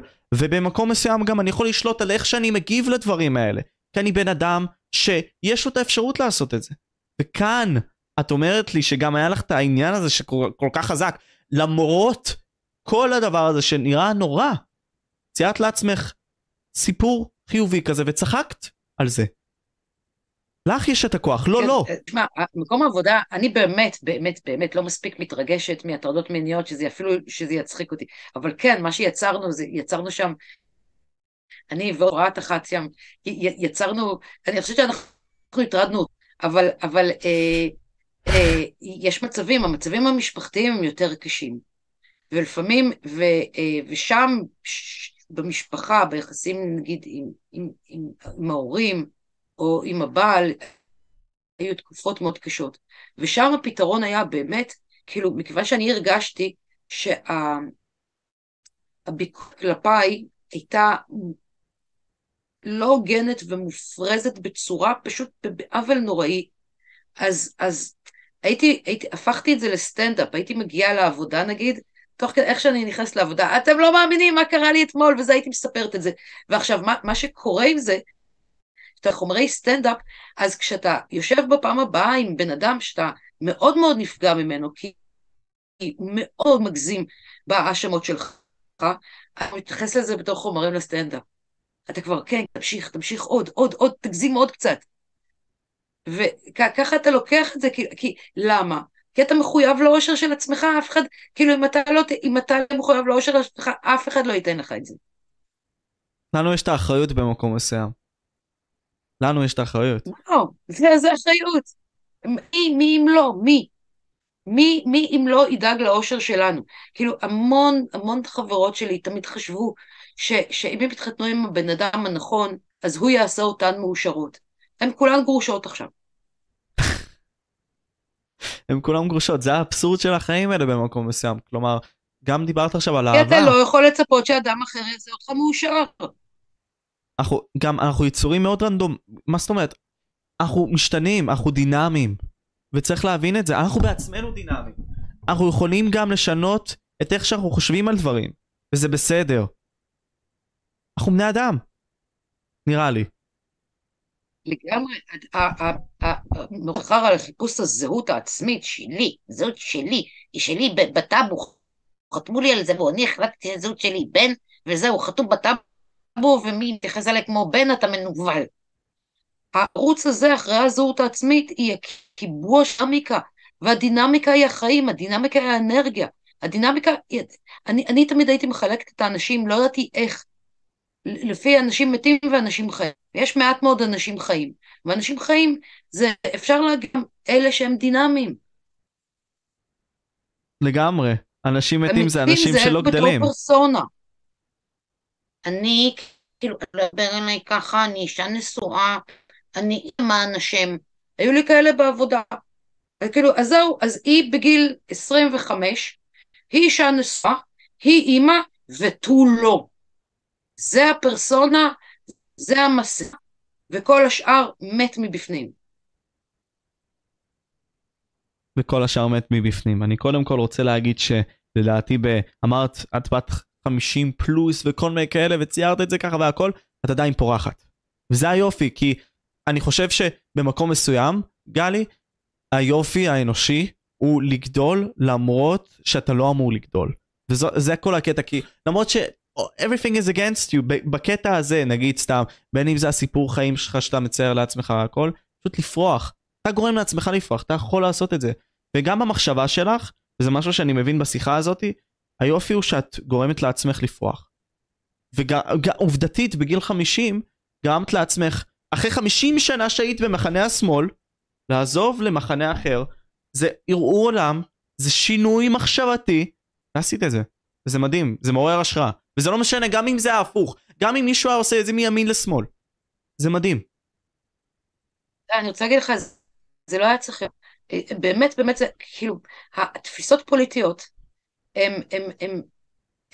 הן נמצאות ברובד כל כך, כל כך רחוק מהבסיס. הבסיס עצמי, הבסיס זה ההתפתחות האישית, הבסיס זה המחשבות שיש לך בראש. בסופו של דבר, הפוליטיקה זה הרובד הכי דק והכי משעמם, והכי, הכי, בעצם לא אומר, לא אומר עליך כלום. רק תעמולה, אה, תעמולת הסתה מטורפת מצד אג'נדה אחת, גרמה לכך שאנשים אה, אנשים לא יכולים לאהוב את עצמם אם עברה בהם מחשבה ימנית. זה לא היה אמור להיות ככה, פוליטיקה זה אך ורק פוליטיקה. בסופו של פעם נבחרת המפלגה הזאת והמחנה הזה, פעם המחנה הזה. זה הכל. העובדה, אנחנו לא נאבקים על פוליטיקה. אנחנו, המאבק הוא לא על המאבק הוא לא על כן ביבי, לא ביבי, או הליכוד, או, או, או השמאל, המאבק הוא על משהו הרבה יותר עמוק. אחרת אנשים לא היו נסחפים לזה כל כך. המאבק הוא על, על, על, לדעתי, על ההגמוניה של פרש, הפרש של המילים, של השפה. ולדעתי שם זה נמצא, ושם אנשים מבינים את זה בעומק ליבם, ולכן גם בשמאל וגם בימים נלחמים כל כך חזק. כי, כי הציבור מרגיש שיש כאן מאבק אחר, יש כאן מאבק על פרשנות המציאות, יש כאן מאבק על, על מי שולט בשפה, יש כאן מאבק על מי שולט בקטגוריות ובמונחים, ו, וזה באמת הולך עמוק. זה באמת הולך עמוק, ואני חושב שלודוויג וינטנשטיין אמר את זה, גבולות השפה שלי הם גבולות העולם שלי. ואני חושב שעם זה אנחנו נסיים, כי קודם כל נתת פודקאסט שהוא כל כך חזק, גלי או דלית במקום מסוים, כן? כי אני, אני, אני מאמין שנתנו גם מסרים חיוביים לאנשים, אתגרנו לאנשים את הראש, ואני מקווה גם שאנשים עם המחנאות השונים ישמעו את זה, וינסו לאתגר את עצמם גם טיפה. לא להתקבע ללייבל מסוים, אלא להיות טיפה, כמו שאומרים, מתפתחים ושונים בקטע הזה. לתת להם את האפשרות הזאת. תראו את עצמכם, תעשו, מה, ש, מה שאני עשיתי, זה נורא קל כאילו שאתה נמצא בתוך, בתוך אה, מיליה, כת, או כמו, השמאל זה באמת, זה מיליה, זה, זה קבוצה. אתה, אתה, אם, אם, בתור אשכנזייה משכילה, שלומד באוניברסיטה, שבאה מבית בורגני, אני לא ידעתי שום דבר אחר. אה, והעניין הוא שכשיש ספקות, גם בימין וגם בשמאל, גם אם אתם באים מבית ימני, יש ספקות שמשהו חורק, שמשהו נשמע לא, לא אל תעברו על זה בשתיקה. אצלך ראש, לא, לא, ב, לא, לא, לא, לא בציבור, אל תרצו עם זה ישר הציבור. אני, אני בכלל, איך התחלתי להיות אושייה בפייסבוק? היו לי ספקות, התחלתי לכתוב את הספקות שלי בהוך דויטש, בשפה, בלועזית של, של פילוס... דיברתי עם עצמי, היו לי מחשבות על שרכבתי על האופנוע, היו לי מחשבות. אז פרקתי אותם לתוך הפייסבוק אחרי שהגעתי, כאילו, לא תוך כדי רכיבה, כן? פרקתי אותם, כי הייתי צריכה לפרוק אותם ולשמוע מה אנשים אחרים אומרים על זה. והייתי כותבת אה, פוסטים של 5,000 אה, מילים, הכל במילים לועזיות, אנשים היו כותבים לי, לקח לי שלושה ימים, קראתי מההתחלה ועד הסוף, נעזרתי בגוגל, אבל בסוף סיימתי. אבל יפה שאנשים קראו, התאמצו, זה כבר משהו. זה, זה, זה דרך אגב, זה באמת כאילו תפיסת, זה עוד משהו שאני באמת חייבת להוציא. אני באה מפרסום, אני כל החיים שלי, הפרנסה שלי זה פרסומאית. עכשיו, כל, כל החיים שלי נאבקתי בתפיסה המוטעית שהציבור מטומטם. הציבור מטומטם, הציבור לא יכול להיות, לא יכול לקלוט משהו יותר משלושים שניות, הכותרת צריכה להיות זה. לא, ואני תמיד נאבקתי בזה. עכשיו, אני לא התכוונתי להיות פפיץ כשכתבתי את הדברים האלה, רציתי לדבר עם עצמי ותוך כדי זה לשתף אנשים, כאילו, כי זה יותר כיף לדבר עם עצמך וללבן סוגיות וגם לשמוע מה אנשים אחרים חושבים על זה. עכשיו, זה, זה הפך לפופולרי, משם, שם התחלתי את השם שלי, מהספקות שלי כשמאלנית, שהתחלתי לגשש ולשאול את עצמי שאלות ולגלות שרגע, אולי יש פרדוקס במושג הפלורלי, ואולי יש כאן סתירה לוגית, ופה ככה... אז הציבור לא מטומטם, תביאו לו חומרים, תביאו לו חומרים שהוא יצטרך להתאמץ בשבילם, גם אם הוא לא יקלוט אותם במיידי, אז הוא, אם יש שם איכות, הוא יבין שזה איכות והוא יתאמץ בשביל זה. אני, היה לי מורה, המורה הראשון שלי, כמעט לאורך כל חיי, תחפשו זה דוקטור הנרי אונגר, אה, או, ברור שאני מכיר את דוקטור הנרי אונגר, רציתי להביא אותו כל כך הרבה לפודקאסט, אבל לא, לא מצאתי את המייל שלו. אני אומר לך, מגיל 17 וחצי, שלחתי לו הודעות, אוקיי? ואמרתי, אני שמעתי כל כך הרבה הרצאות שלו, ועכשיו מעציב שאת אומרת שהוא לא יגיע, אבל בסדר. אז חבל שלא הגעת לפני שנה וחצי, כי עד אז היינו חברים טובים, עכשיו אנחנו כבר לא. אבל, אה, אבל, אבל הנרי, כי הנרי, אתה יודע מי זה הנרי, עכשיו אתה יודע מי זה, ודרך אגב, הנרי השתפר מאוד ברמת הפופוליזם, זאת אומרת, הוא, הוא באמת, כאילו, היה מדבר וינקשטיינית שוטפת. ואני הלכתי, הלכתי אחריו מאוניברסיטה לאוניברסיטה, מהרצאה להרצאה, מקתדרה לקתדרה, לכל מקום שהוא בו דיבר, לא משנה על מה הוא דיבר, הלכתי אחריו. עשר שנים ראשונות, לא הבנתי על מה הוא מדבר בכלל, לא הבנתי את השפה. אבל הבנתי שהיה, שהיה שווה, שווה להתאמץ, ובסוף זה paid off? לגמרי. בסוף, כאילו, בסוף, כאילו, נה- נהיינו ידידים מאוד טובים, ו, אה, וגם כשנהיינו ידידים, אז, אז הייתי כותבת לו השגות פילוסופיות על דברים, הוא היה משתגע. מה, הוא היה משתגע ממני, מה את מבלבלת את המוח? מה את מדברת שטויות? את לא מבינה שום דבר. את לא... בסוף הגיע איזשהו רגע שהוא הודה שאני גאון. במקום מסוים, אני, אני, כאילו, אני, אני, אני זוכר שצרכתי את התכנים של אונגר ואני אמרתי, הוא גאון. אם הוא אומר לך את זה, זה מחמאה. אבל אה, השגת את זה כן, די כן, ישר. אחרי שכבר לא היה כל כך אכפת לי, זאת אומרת, הנה, אז הנה עוד, רוצים משהו? תתפסו את המורה שיכול ללמד אתכם הכי הכי הרבה דברים, ואף פעם אל תחכו לזה שהוא ייתן לכם ליטוף על הראש ויגיד לכם, אוקיי, עכשיו הגעתם, אתם חכמים. הנרי עשה לי משפלות תמידי, כי, והוא לא עשה את זה בכוונה, הוא היה מתעצבן באמת שאני טינפתי לו את, ה, את, את הטיעון המושלם, שאני אמרתי משהו אידי, הוא, היה מת, הוא, הוא לא היה שולט בעצמו, הוא היה מתעצבן מזה כל פעם מחדש, ואני הייתי צוחקת, וכל הזמן אמרתי לו, טוב, מה אתה רוצה ממני? כאילו, אתה הנרי, ברור שיחסית אליך אני מטומטמת. אבל לא היית מטומטמת, ולדבוק כל. הזמן במורה, לדבוק בו כל הדרך. לא לעזוב, לא להיעלב, ולא לח... לא לחכות, לחכות להכרה, ולא לחכמאות. פשוט לעשות את זה, להיצמד ואולי תתחכים דבר או שניים. ואת אומרת לי שזה paid ובסופו off. של דבר, כאילו, אני, אני, אני כל כך חוקפת את עצמי לעצמי, כי הרגשתי שאני מתפתחת אינטלקטואלית ב- ב- בהצקות שלי אליו. ושילמתי לו את האתנן בהומור. זאת אומרת, כל פעם שהייתי מצחיקה אותו, אז, אז הוא היה מוכן להמשיך לדבר איתי. אה, אז... אה, זה באיזה, באיזשהו שלב, באיזשהו שלב כבר הבנתי שאני שולטת בחומר ואני יכולה לה, להעמיד תיעוד ואני יכולה להעמיד מערך, מערך ארגומנטציות שיכול להתחרות עם הטיעונים הכי חלשים שלו. ואז הוא היה תוקף אותי, אז אמרתי, סתם אתה מקנא בי, כאילו, יא קנאי, תפרגן. היו זמנים, היו זמנים והפסקתם, את אומרת. בסדר, אין מה לעשות, זה החיים במקום מסוים. ואני רוצה גם להודות לך, באמת, באמת, באמת, כי ניסינו להעביר פה משהו טוב לאנשים. אה, עד, עד פה נשארו.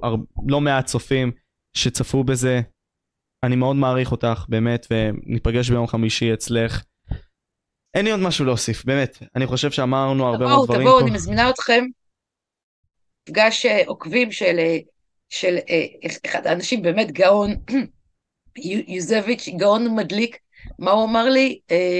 הוא, הוא, הוא ליצן רפואי בלי הרפואה. את יודעת, הוא שלח לי הודעה, לתאר לך עד כמה הבן אדם נחמד. שלח לי הודעה לפני כמספר שבועות ורשם לי, משה, אתה יודע, אני רואה את ההתפתחות שלך עם הערוץ, יישר כוח. ואת, מן הסתם שאת מבינה שלהגיד את זה לבן אדם מסוים, לא משנה מי הקרבה והכל, זה מחמם את הלב. אז הוא באמת חימם לי את הלב, כי במקום מסוים, את יודעת, אני עוקב אחרי התכנים שלו, ועשיתי איתו גם את הפודקאסט בזמנו, והוא רשם לי את זה. וזה, הוא גם בן אדם מאוד נחמד, באמת, שהוא אני מחכה מפרגן כבר לו להיפגש. כמו אונגר הקנאי. וואי, לגמרי, מעניין, מעניין אותי לשמוע את הבקסטורי מאחורי זה, אם ביום מן הימים יצא לי לשמוע. טוב, בכל מקרה, אני אסיים. אה? סתם, מה שקרה זה שהוא הפך, הוא הפך בבין לילה לרל"ב, אי אפשר לדבר יותר איתו בכלל. למה? הוא לא מוכן לדבר איתי עד שביבי לא ייכנס לכלא. עד שביבי לא ייכנס לכלא, אין מה לעשות, זה דרכי הפוליטיקה. טוב, במקום להיכנס לפוליטיקה יותר מדי, נהיה אנשים טובים והכול, נגיד תודה, נעריך את הרגע, נתעסק בדברים האנושיים יותר. אני מעריך אותך, באמת, תודה רבה דלית. גלית בת חורין, כל מיני דברים כאלה.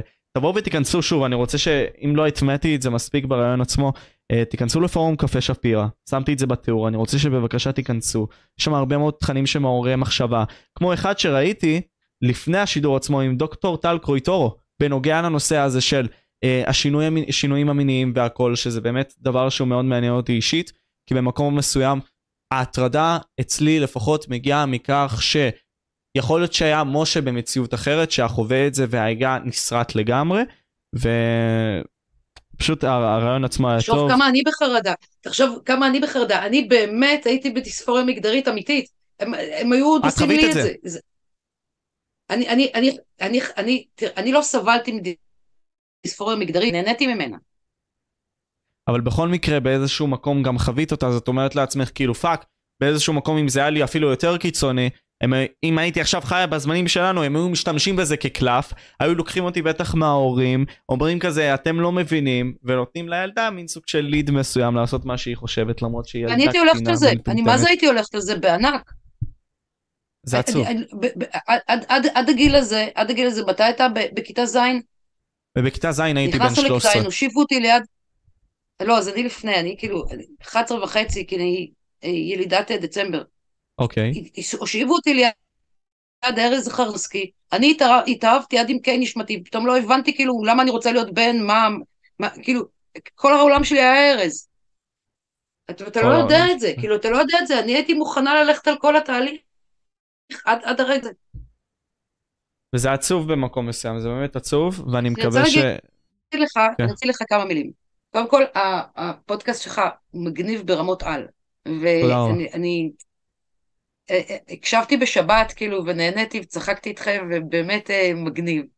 עכשיו, אני, אני סימנתי לעצמי מטרה פעם, פעם אחת מזמן, שאלתי את עצמי, מה, מה אני רוצה לעשות? ואז, ואז כאילו שיניתי את השאלה. שאלתי את עצמי, איפה אני רוצה להיות? לא, לא כאילו, אה, לא, לא מה אני רוצה להיות במובן של, של תג סופרת או, או פרסומאית או משהו כזה, אלא מה אני רוצה לעשות בחיים.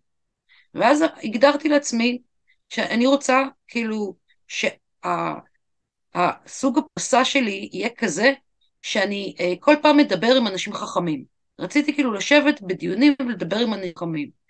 עכשיו, אה, שכחתי מזה לגמרי, ואז שכאילו הוקם פורום קפה שפירא, שמתי לב שהגשמתי את, ה, את ההחלטה היחידה אי פעם בחיי שהייתה מכוונת להחליט על העתיד. אז הנה עוד משהו, תדעו לכם, תקבעו את מטרה, לא מה אתם רוצים להיות, אלא איפה, איפה אתם רוצים להימצא בעתיד, והמוח שלכם כבר יכוון אתכם לזה בלי שתצטרכו לזכור את זה. ושנית, אני רוצה להגיד, שתמיד כשחשבתי על זה של לדבר עם אנשים חכמים, זה, זה עם אנשים יותר מבוגרים ממני, כי רוב החיים שלי הייתי יותר צעירה. אז, אז אה, אה, עכשיו אני, אני יותר ויותר מגלה איזה עונג זה לדבר עם אנשים צעירים חכמים. וזה זה גם עונג, זה גם הפתעה מאוד, מאוד גדולה, כי, כי לא, לא, לא ידעתי שקיימים, אה, ש, ש, ש, קיימים שורדים, שורדי משרד החינוך. לא, אני חשבתי שהדור הזה אבוד סופית. ובנוסף, אה, גם אני צריכה את זה, גם לעצמי, בגלל שבסופו של דבר, ככל שאתה מתבגר, אתה, אתה, אתה צריך לש, לש, ליישר קו עם, עם מה שאומרים החבר'ה שחיים עכשיו. עכשיו, זה העולם שלך, זה כבר לא העולם שלי יותר. זה, זה העולם שלך. ואתה אתה זה ש, שתעצב את העולם בדמותך. חשוב לי לשמוע אותך, כמו שחשוב לך לשמוע את הצעירים, שהם אחד הם יהיו פוליטיקאים, בדיוק מאותה סיבה. חשוב לי מאוד לשמוע אותך, אותך ותענוג לשמוע, והחבר'ה שלך, אתה והחבר'ה שלך מגניבים, ותודה רבה לאלה שלא הצליחו להרוס אתכם לגמרי.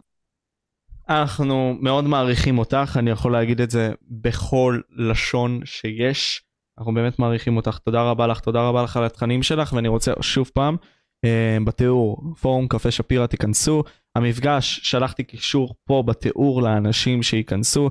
באתר של יוזביץ' תוכלו לקנות כרטיסים, 50 שקל לאחד, 80 שקל לזוג, לזוג וזה יהיה אצל דלית. אז כאילו, אתם מרוויחים משני העולמות, אתם גם משכילים וגם רואים את האורחת שאיתה לנו היום, שהיא מאוד מעניינת, ומובילה אשכרה תנועה שהיא מין סוג של משהו שהיא רצתה לקבוע לעצמה בחיים האלה. ועשית את זה. ועשית את זה.